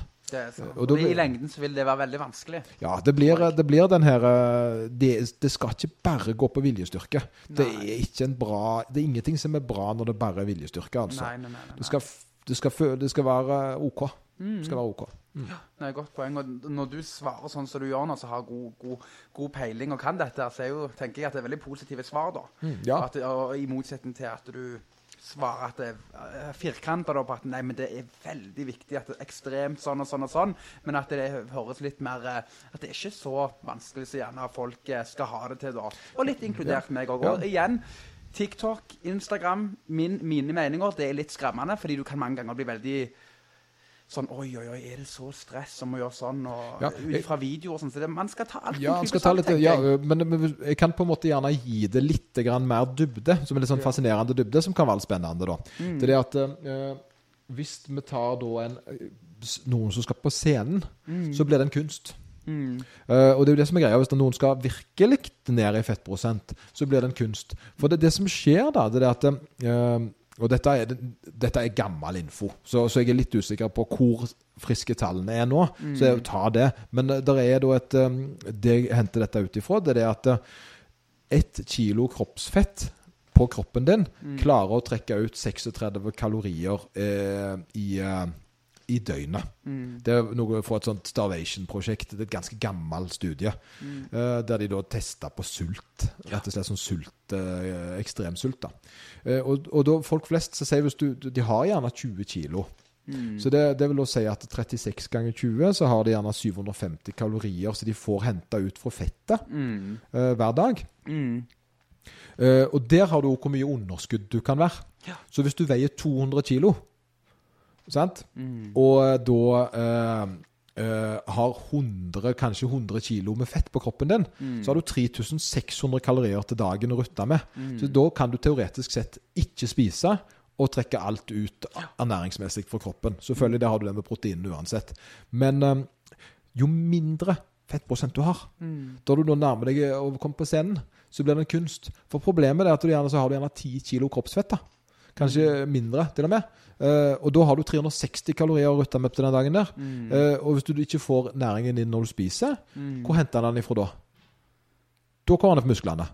Så jo lavere fettprosent du har, eh, jo, jo mer må kroppen begynne å gjøre det han ikke ønsker, nemlig det å bryte ut ifra muskelvevet sitt. Så rett og slett, når man har veldig lav fettprosent og ligger lavt, da skal man være mye mer påpasselig mm, enn når man på en måte er ganske overvektig og stor. Da. Ja, da det rett og slett, ja, for det blir mer og mer spesialisert igjen, sant? og da blir det mer og mer en kunst. da, Og det er det å beholde mest mulig muskelmasse. For det, der plutselig så klarer du ikke å balansere mellom kosten inn og hvor mye kroppen klarer å bruke på fett. Men for folk flest så er det ganske greit. Folk Det er har eh, positivt òg, for ja. folk som er, er, er litt store og har lyst til å gå litt ned. Og da trenger de gjerne ikke være like redde for at nei, men jeg er redd for jeg mister muskler òg, da. Nei, de kan, de kan, kan, ja, de kan, jo større en er, jo, jo, jo mer kalorier kan en gå i underskudd i starten. Og så må en faktisk spise mer og mer og mer for jo lavere i kroppsvekt en blir. da. Altså Mm. Ja, mer og mer i forhold. Så det er litt sånn kult. Men det visste jeg sjøl òg. Jeg gikk jo ned fra 136 kilo til 90. Eh, og da begynte jeg jo med også eh, Og jeg trodde jo jeg skulle ha sixpack på 110. Jeg også trodde jo jeg hadde mer muskler. sant? Men nei da, det var bare å glemme det. Jeg måtte langt ned på 90-tallet før eh, det var en antydning. Men greia var at Og da spiste jeg jo veldig lite i starten fordi jeg hadde mye fett. Mm. Så jeg, men jeg spiste masse proteiner. Mm. Og så jo tynnere jeg ble, eh, da, jo mer energi måtte jeg ha for å kompensere. For da hadde jeg plutselig ikke så stort eh, eksternt batteri Nei, lenger. nei, nei. Så det er litt sånn, eh, den er litt kul da Spennende. Altså, I forhold til dette her med motivasjon òg, hva, hva tenker du er, er motivasjonen for din del? Hva, hva vil det si på en måte? Hva tenker du òg for, for andre, gjerne? Ja, for folk er forskjellige. Eh, Det som trekker meg veldig, er jo mål. Mm. Opplevelser, mål og eh, milepæler. Så det, det er derfor folk sier ja, men du, du, jeg er så mye med på konkurranser. Eh, og det, men det er litt fordi at det er litt spennende å så sette det ut i sånn sånne Når jeg da er, skal være med på dette neste lørdag, så gleder jeg meg til datoen. Jeg planlegger alt som skal skje rundt. Det er så masse sånne ting, da. Så jeg liker veldig det. Og jeg, jeg, hele året så har jeg et eller annet å holde på med. Du liker å ha Det er et sånt driv, da? det driver for meg, ja. ja. Så jeg har jo eh, allerede booka meg inn på Greit nok, sant? jeg skal jo være med på den swimrun i i Sverige, så den er jo allerede satt i september. Men jeg har allerede meldt meg inn på 2024. Uh, uh, jeg har betalt for et triatlon 10.8.2024. Uh, jeg skal være med på Brynetri 1.6.2024. Oi, oi, oi. Så, og nå skal jeg da i helga så skal jeg booke meg på Solatri i januar. Så du ser, der er det er noe som skjer. ja, ja, det er noe som skjer, men hele året så er det planlagt, og jeg har allerede booka disse tingene inn. Jeg har satt i og begynt, å tre, Jeg har begynt å trene opp mot det. sant? Og det motiverer deg? Ja, det motiverer meg, ja, jeg ja, ja. Jeg må trene sånn og sånn for å kunne oppnå de målene på, på det jeg skal gjøre. Ja, og det, det er veldig for meg, for da bryter jeg det ned i det jeg skal bli god i. For eksempel da, så skal jeg bli, som sagt, jeg skal bli bedre i å løpe i trail. Så da har jeg jo meldt meg på et backyard ultra der jeg skal springe 80 km i delvis trail. Så i dag så var jeg nede og øvde meg på ruta. Øvde meg på å spise. Da hadde jeg med meg lakrissjokolade og så spiste jeg. Og Det skal være bra. Eh, nei, det var mer for å prøve. Bare litt for gøy. Litt for eh, Instagram, jeg må innrømme det, altså. Men, eh, men det blir gels, og det blir nok magnesium, og det blir hydrering, og det er masse energi. Det er masse sånne faktorer Så skal Når du skal holde på så lenge, så er det veldig mye mat. Så det handler om Det var tolv timer du skulle holde på. 12 timer, ja. Og, da- handler det veldig mye om hvordan du hydrerer og gir deg sjøl energi. For hvis at du uh, driter i det, så klarer du det ikke. Nei, nei. nei. Eh, Så det er en kunst, da. Eh, Men for meg så er det jo det som er kjekt. Det er jo det som gir det, og da bryter jeg det ned i masse småting. Eh, Og så holder jeg på med det, og så holder jeg på med det. Og så, og så setter jeg det sammen i den pakken til slutt, da. Så det, mens andre har jo null interesse i dette. De vil bare bli ferdig med det og gå hjem og gjøre det de liker å gjøre på. Eh, Så motivasjonen deres gjerne er at det er enkelt eh, og lite hassle. Det er sånn kettlebell-prinsippet. Det er ingen som det, det, no, dette er ikke sant, men jeg opplever det sånn. Det er ingen som trener kettlebells hvis de ikke får det Hvis de ikke PT-en eh, gir det til dem. Jeg, jeg skjønner du mener? Ja, ja, altså, jeg, jeg syns jo det er kjempegøy. Hvis noen sier ja, skal vi prøve å gjøre 100 kettle swings, ja, OK, men du gjør med det. Men jeg, hadde det stått i programmet, så jeg alltid hoppa over det. Ja, ja. Eh, men hvis jeg gjør det, men hvis kundene mine gjør det, så storkoser de seg. Mm. For det, her, ta den. Og så gjør de det, og så trener de godt. Eh, men, men jeg hadde jo aldri gjort det sjøl hvis det sto i programmet. For det er for mye hassle. Jeg skal finne kettlebellen, jeg skal bla, bla, masse greier. Mm. Så det, det skjer ikke. Nei, nei, nei. Så da tenker jeg at for mange nå så er det jo det at det er lettvint, det fungerer, Mm. eh, ferdig med det. Mens andre da har det som da at det er nok data. Mm. Få informasjon. Hvor mange kilometer, hvor, luftfuktighet, høydemeter, alt mulig sånt. da. Mm. Så det er, det er litt En må finne sin sånn. Ja, ja, ja. Mm. Stilig. Jeg er, jeg er veldig enig i det i forhold til å ha noen mål, ha noe å gå etter, og på en slags sånn indre driv da, som holder deg oppe. Mm. Hva er dine mål? Godt spørsmål. Eh, Nå er mine mål at jeg ikke skal la han bestekameraten min slå ut den sjalusien. Nei, han gjør ikke det. Meg og kameraten min vi har et veldig kult forhold der vi, vi har lyst til at jeg har lyst til å være sterkere enn deg, og du skal være sterkere. Men det er sånn kompisgreier. Det er ingenting negativt Nei, med det, for vi er med på det begge to. Men det, det, det, det kameratslig, øh, det, det fører jo dere opp. Og, Mm, og det dere er jo ikke i konkurranse mot dere, dere er jo konkurranse med alle andre. Mm. Altså indirekte, da. Sånn, ikke med vilje, men det er jo det som skjer. Det er jo det at øh, det er jo sånn uh, klubber blir gode. Mm. Uh, For eksempel øh, når det kommer mange gode inn i en klubb, Mm. så lufter de hverandre. Eh, I styrkeløft, f.eks. eksempel. Eh, og det, det er jo ikke det er jo en grunn til at de beste løpeklubbene gjerne får nye, gode løpere.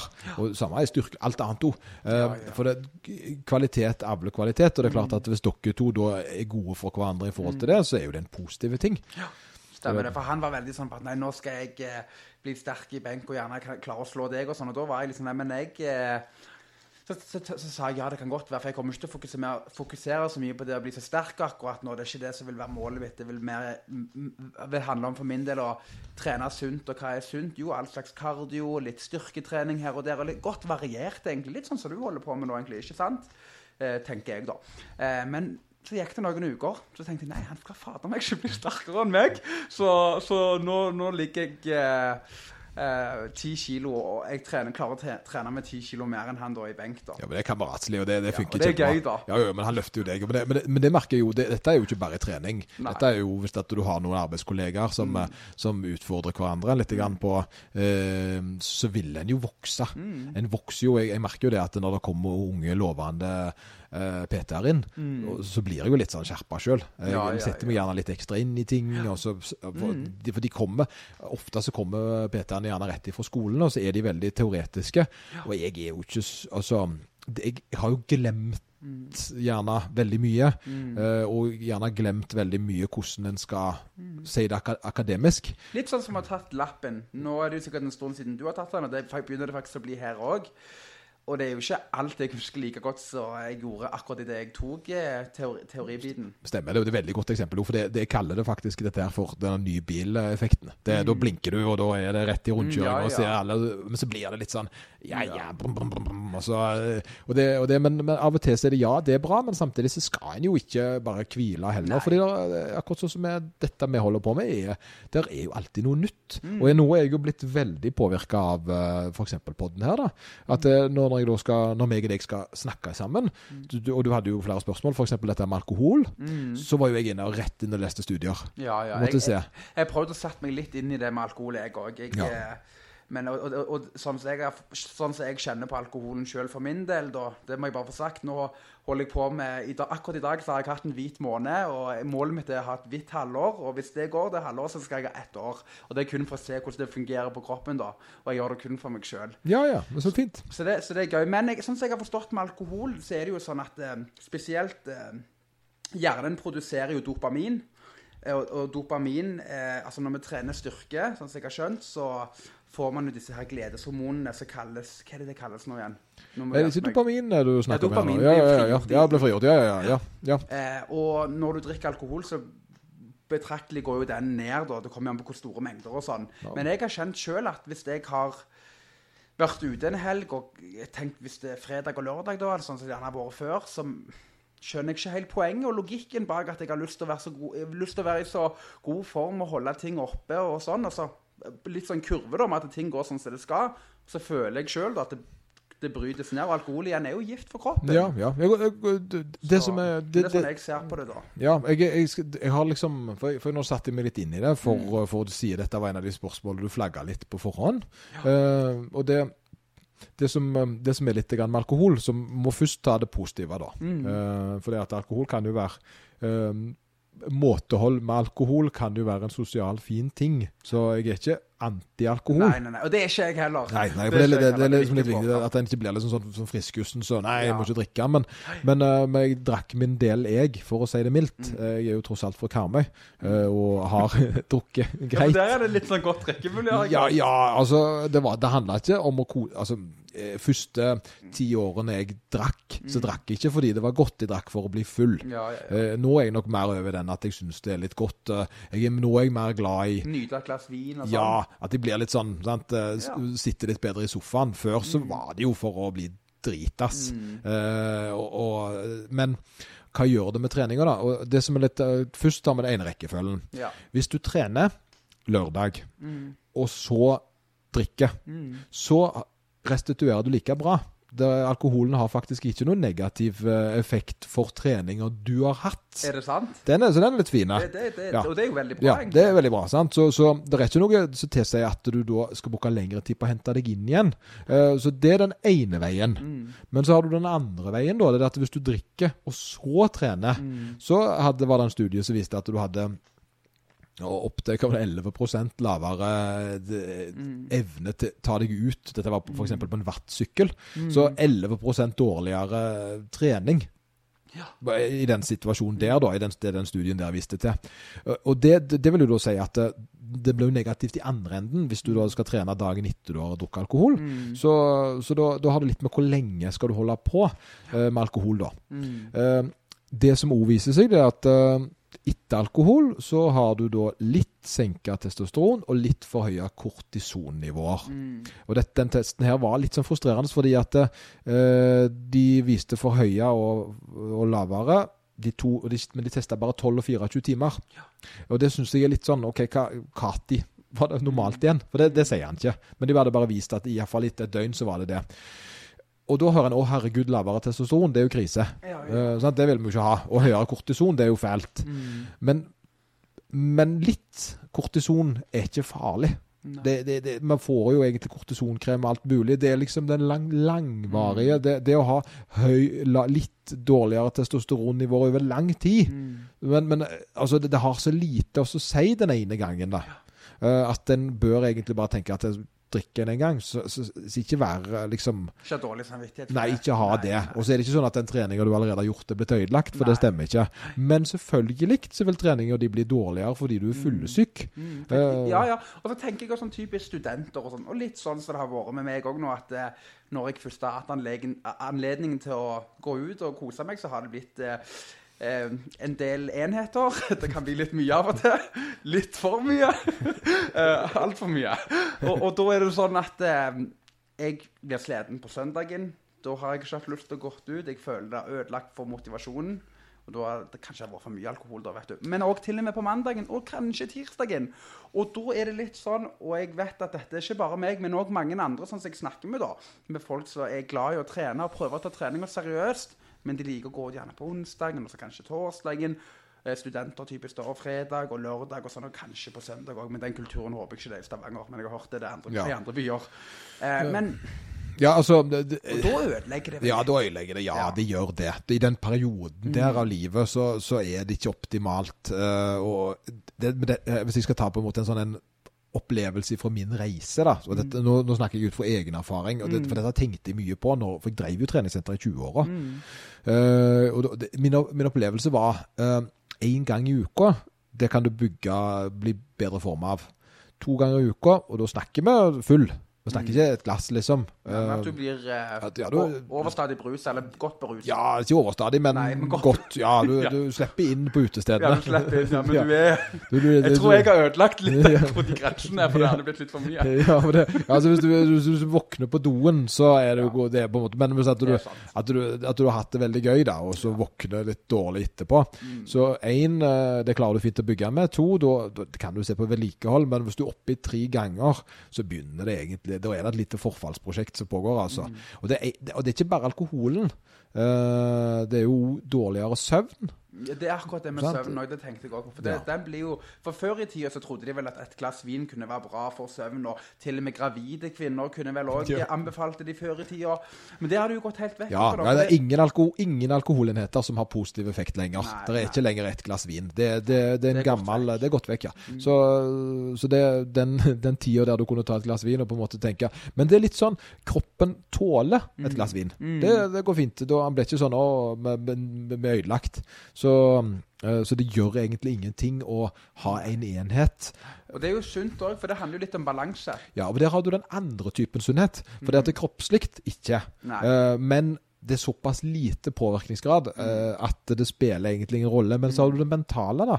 Det må vi skille i to. Ja. Det er litt viktig. Sant? For Hvis meg og deg er ute og tar en pils sammen, da, Mm. så kan det gi deg en mentalt bedre helse i mange uker. Mm. Uh, og det er jo mer verdt enn det den fysiske påkjenninga den ølen har gitt Du tenker din. snakkisen vi hadde, gode Ja, sant. samtaler Vi lo litt, grann, vi hadde det, og du Mm. går derifra liksom, ah, litt eh, ny giv, Mm. lærte noe.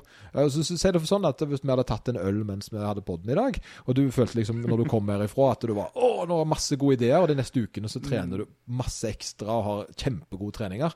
Så har du jo egentlig gått i pluss. Ja, ja men det, men det, er- det er akkurat det. Og det gir jo veldig mening også, Ja, ja, logisk Så- sett. Logisk sett, sant? Så, så, det, så der har vi litt med dette. Men det handler jo litt om de investeringene en gjør. Av og til så koster det penger å investere, mm. men en sitter igjen med et overskudd. Mm. Ja, Eh, ja, ja. men, men hvis en er på grøftefulla tre ganger i uka, så, så er ikke det optimalt for verken trening eller helse. Altså. Nei. Uh, og ja, og det, men er sant. Tingen er at det, når jeg var når jeg var 17-18 år og drakk, Mm, eh, så var jeg aldri fyllesyk til lenger enn 12. Det, det er så rart, og det, det tror jeg mange lurer på. Hva er det som skjer? Hvorfor blir vi bare dårligere og dårligere? Er det for vi drikker mer, eller tåler vi bare mindre? Det er to faktorer. For jeg skal gi det to. Én er sann, og den andre er mening. Mm, Sannheten er jo at eh, en har en høyere evne til å sprette eh, til bars Ja. eh, når en er yngre. En, har, tåler mer. Kroppen er mer robust fordi du har Mm. eh, Altså en, en, Et sykt barn tåler høyere feber, tåler alle disse tingene Mm. der. Sant? Men jo eldre du blir, jo mindre tåler du. Så når du er 90, da, så er det ganske lite som skal til før eh, det andre er jo at det er mer forventninger til deg. Ja. det gjorde ikke så Når jeg var 17-18 år så, og sto opp, så var det ikke så mye som Da kunne jeg ligge i senga. Mm. Men nå må jeg stå opp med jobb. Jeg må dit, Ja. Det er masse Og hele uka mi er jo egentlig mye hard, mer hardpakka. Mm. Og det er det som er og Dette tror jeg er litt viktig. For dette her er en sånn eh, Å nei, jeg er ikke så sprek som jeg en gang var. Jeg tåler ikke så mye lenger. Men, men så er det ikke sant. Fordi Mm. tenk sånn, da. Nå, når du er pappa, Mm. du studerer, du jobber, så har du flere faktorer Mm. i livet ditt. sant, sant. Og, og hvis du da skal ha restituere på trening, så er det jo den samme tanken Mm. som du da skal bruke. Og det er klart at hvis at du hadde én jobb, og det var å gå på trening, Mm. så hadde det vært, selv om du var i samme alderen, så hadde det vært lettere for deg. Mm. Det, det er sant. Det er sant. Så det har vi disse tingene Ja, som for det, det løye du sa det, for det har og det er, jo, det er jo der svaret ligger, som du sier nå, ja. For det har jeg snakket litt med kamerater òg om, om det kan være det, men da har vi bare synsa, liksom, sånn, tenkt sånn, hva kan det være?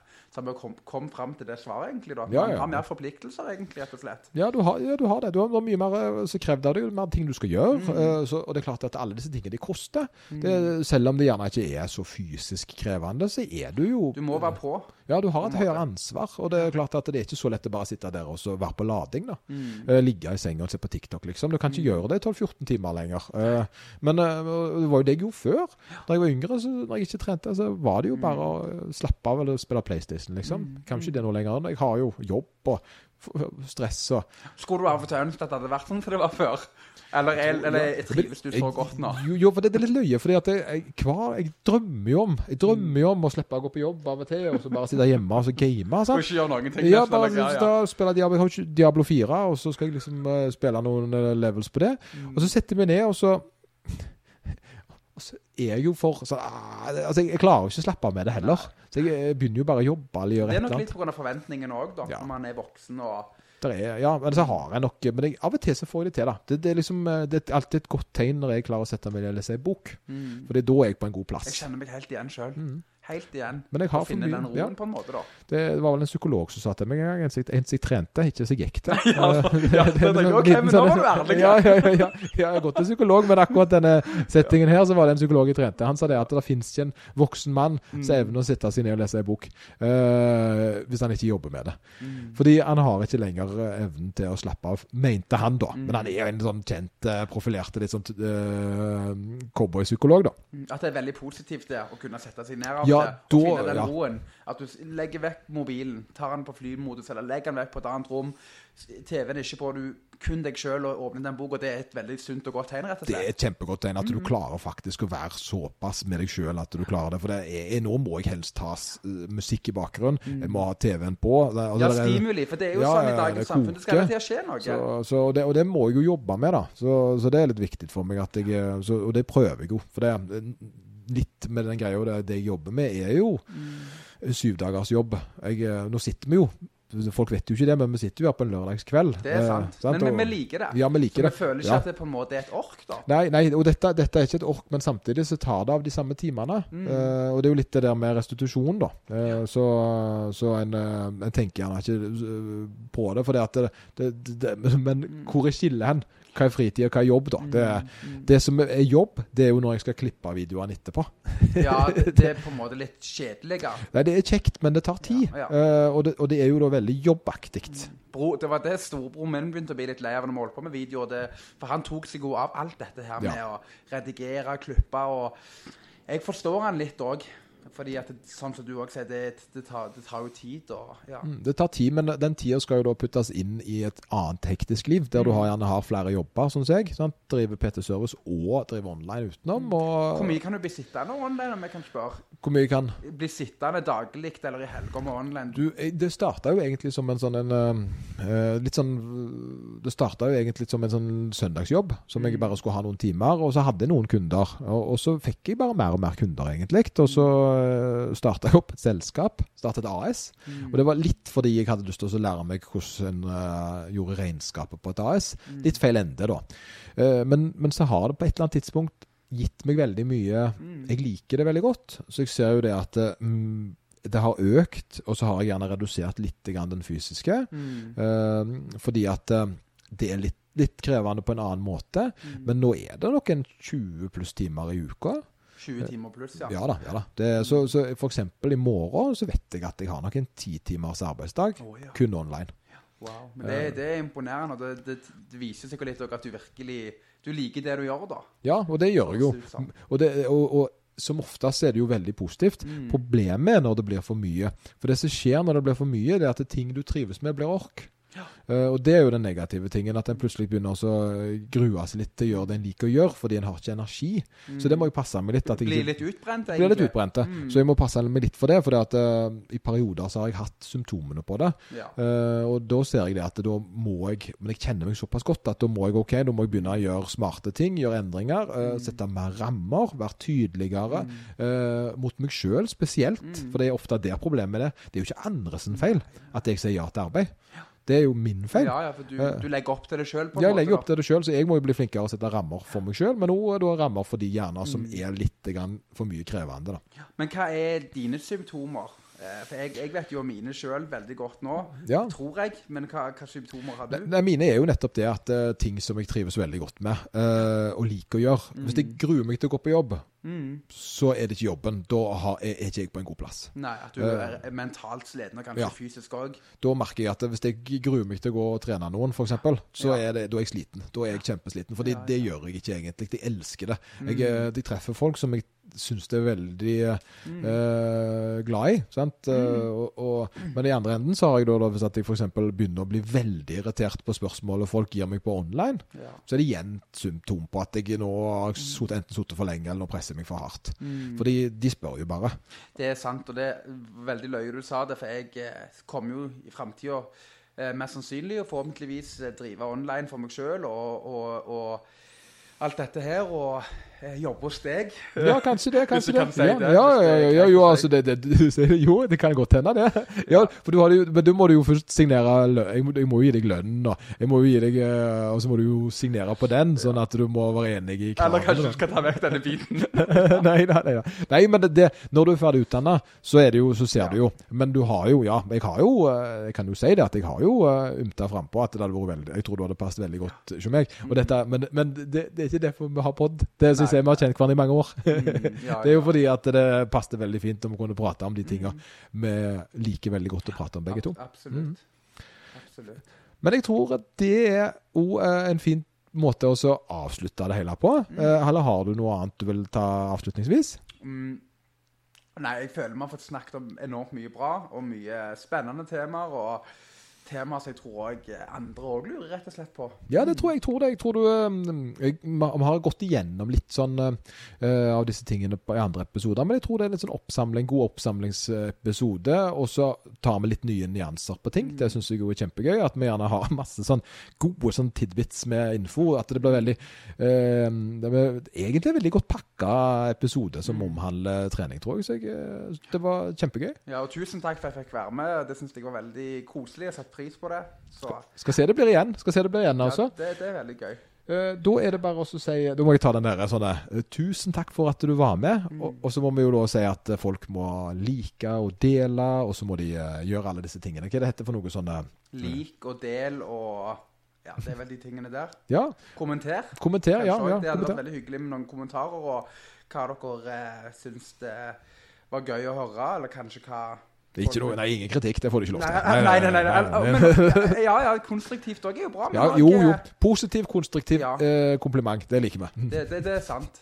Og hva som var Ja, og, og, hva de likte godt og sånn, ja. Ja, ja, Det er jo ja. alltid ja, det, det, ja nei, altså, det selvfølgelig hvis folk har noe veldig smart å si. For det, jeg får faktisk en del feedback på sånne ting, altså. Og jeg syns jo det er fint. Men, eh, men når det er sånn du er en dust eller sånt, Mm. Ja. det, det kan det er de- måten man sier det på, Ja, egentlig. det er litt hvordan være pakker det inn, altså. rett slett. Ja, ja, ja. Og- jeg har jo, jeg har jo fått en liten sånn herlig hater på TikTok. Eh, Jeg har det. Jeg, jeg har fått et par tidligere anledninger, så, eh, men det er en som ikke gir seg. Jeg tror han er- har vært inne på snart 15-20 av videoene jeg legger ut.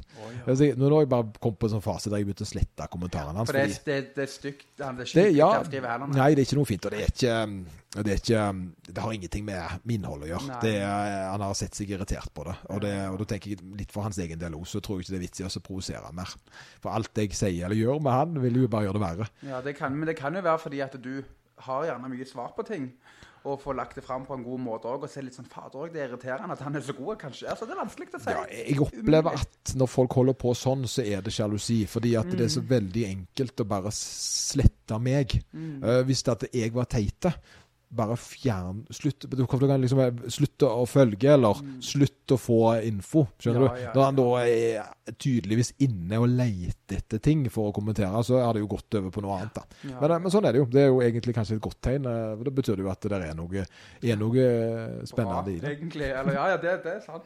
Men jeg tror dette bare var koselig, og jeg gleder meg til å høre feedbacken på denne episoden. Ja. Så får vi bare si eh, god helg til folk. God helg, ja.